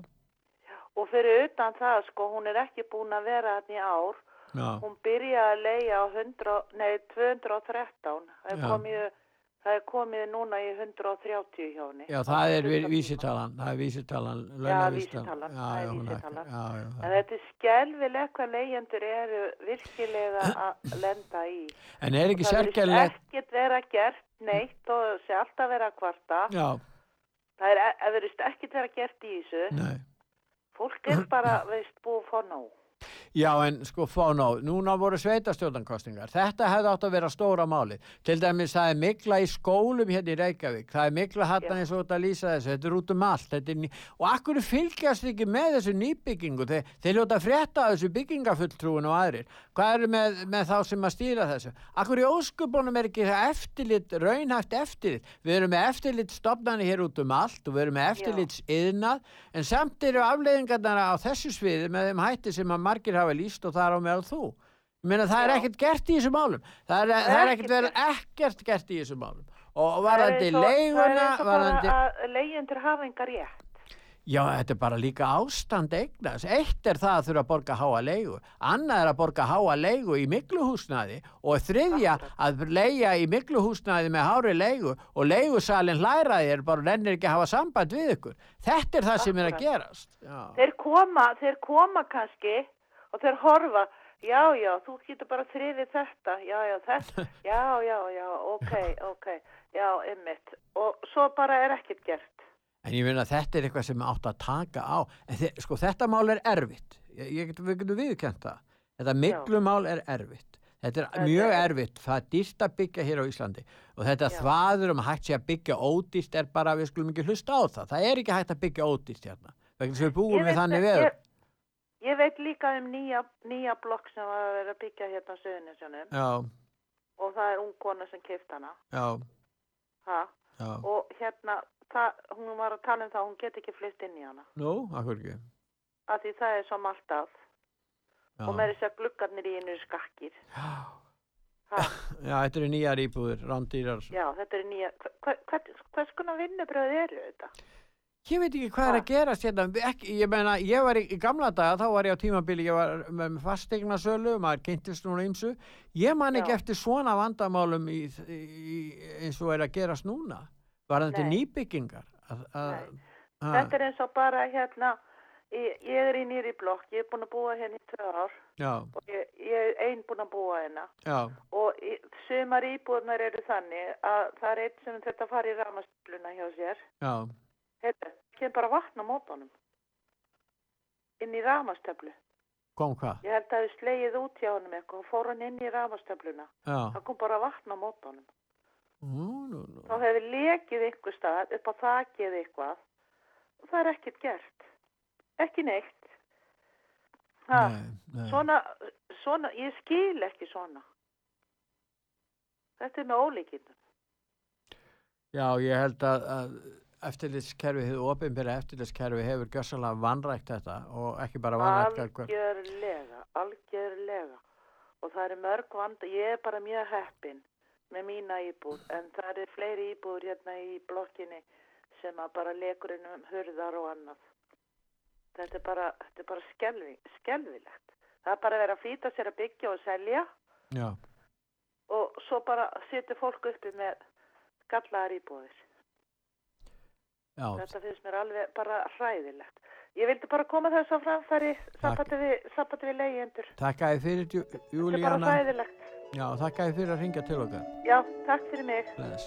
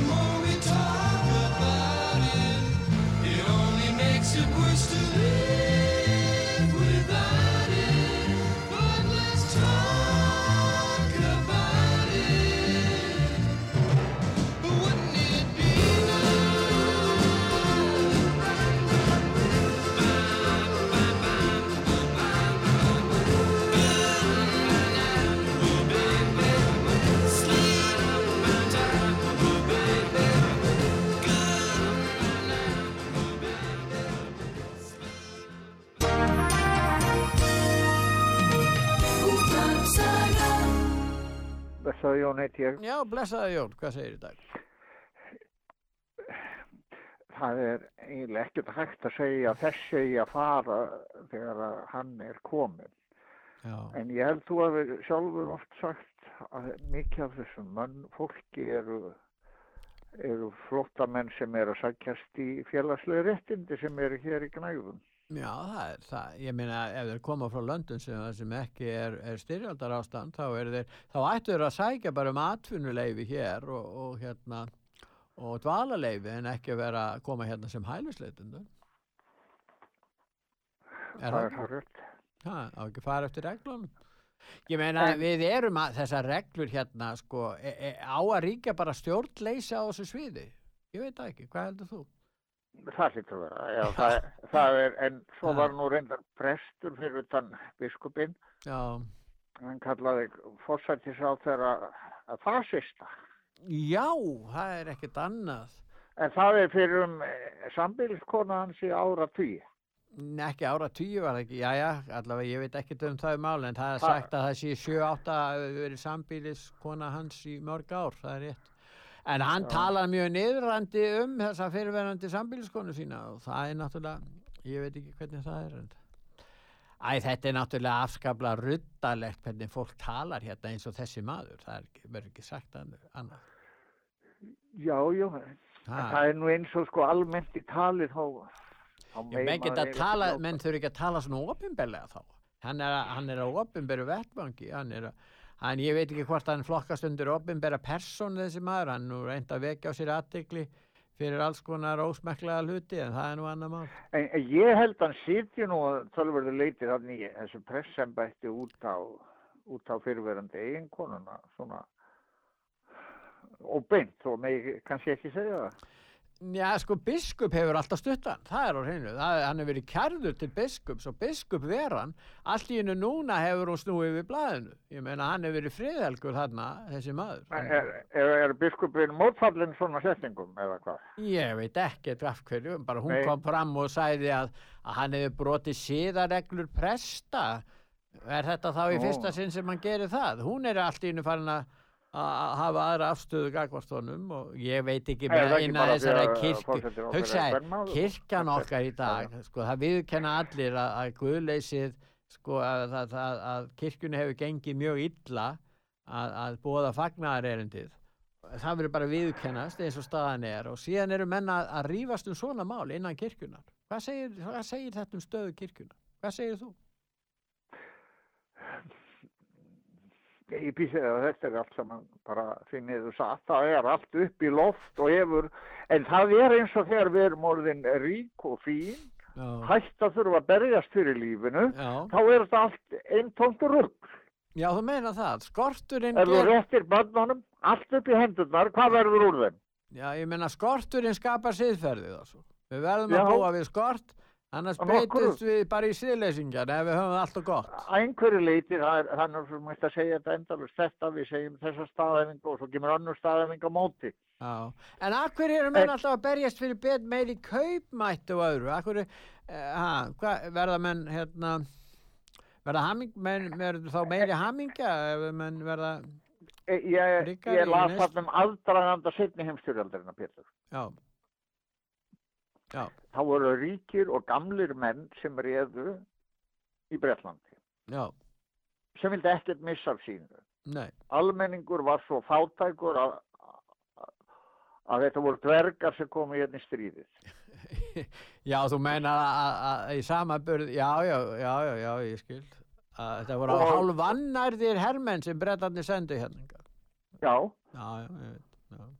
og, en, en hann stelti fram þessi maður að það hefði verið velagt að koma í vekk fyrir setni heimstyrjaldinu. Það var, það, bara, það var að vinna í því og það var náttúrulega líka að vinna í því við rússa, að menn Já, Það það sé ekki eins og íslenska kirkjan, þetta er kirkjulegur dans þarna út um allan heim. Já, sko, það er ekki bara, ég sá það að það var einhver erkibiskup í, í Bretlandi, hann var svona með einhverja pólitíska meiningar í sambandi við útlendingamálin og uh, því að Bretlandi senda ólögulega hælisleitin til Rúanda í Afríku. Og, Mm. og það var tekin upp svo stefna, ég held að Danidin alltaf gera það líka, eða taka upp einhverja slíka stefnu. Og erkibiskupin, svo er biskup, það er eins og þannig að kirkjan, sko, sem er svona er að gefast upp gagvart efnisíkjunni hún er eiginlega, hún er að reyna að vera vinsæl og taka upp einhvern mál kannski sjóna með minni hluta og svona reyna að, að svona vera svona poppa upp kirkjuna og svo er þetta svona mál sem getur gefið þeim tilefni til þess og gefið þeim færa á því svona til að vekja aðtikla kirkjan gegn einhverju hlutverki með því að svona vera að rífa kjaft um þessu útlendingamál manni finnst eins og kirkjan sé bara þetta sé svona, svona örvæntingar full leið til þess að, að, að, að segja að kirkjan ger eitthvað gagn og hafi tjón einhverjum tilgangi. Er það ekki? Mér finnst þetta bara ágætt. Ha, er, er, er þetta ósangjart? Hvað segir þú? Það held ég ekki. Nei. Það þarf líka gaggrína. Já, ég meina gaggrinið ekki, ég meina málið bara við verðum það að viðkjanna það. Já, það versta í Bretlandi í aðdraganda styrjaldarinnar, já, að það var ekki málfrelsi. nei, nei, það er rétt. Það var alvarlegasta. En, en kallinn fekk aðeins aðtikli Já, þegar hann sagði að Brettar hefði enga kymning á þau, þá var það allt vittlust. Já, en talandi um tjáningafrelsi og þennan prest, ég vil ekki taka tjáningafrelsi af þessu prest, en hann verður að bera Nei, ábyrð á því sem hann segir. Hann verður bara að bera ábyrð sjálfur á því sem hann segir og, og ef hann vill vera svona smekklaus, þá er það bara hans mál. En hann, ég vil ekki hafa verið banna, hann, hann má segja það sem hann vill og hann er vanur því vantarlega og... Ha. Það er hart ef við erum fannir að verja prestin sem að... Ég er ekki að verja prestin, ég er að verja rétt Nei, þú ert að verja málfrelsi. Já, alveg, algjörlega, líka fyrir hann. Ég meina, ég segi bara, uh, siðleysingar mega líka og þá að verja tjáningafrelsi fyrir siðleysingarna líka. Við verðum að segja þetta í byrli, kannski. Já, takk að fyrir Jón að ringja. Bless, bless.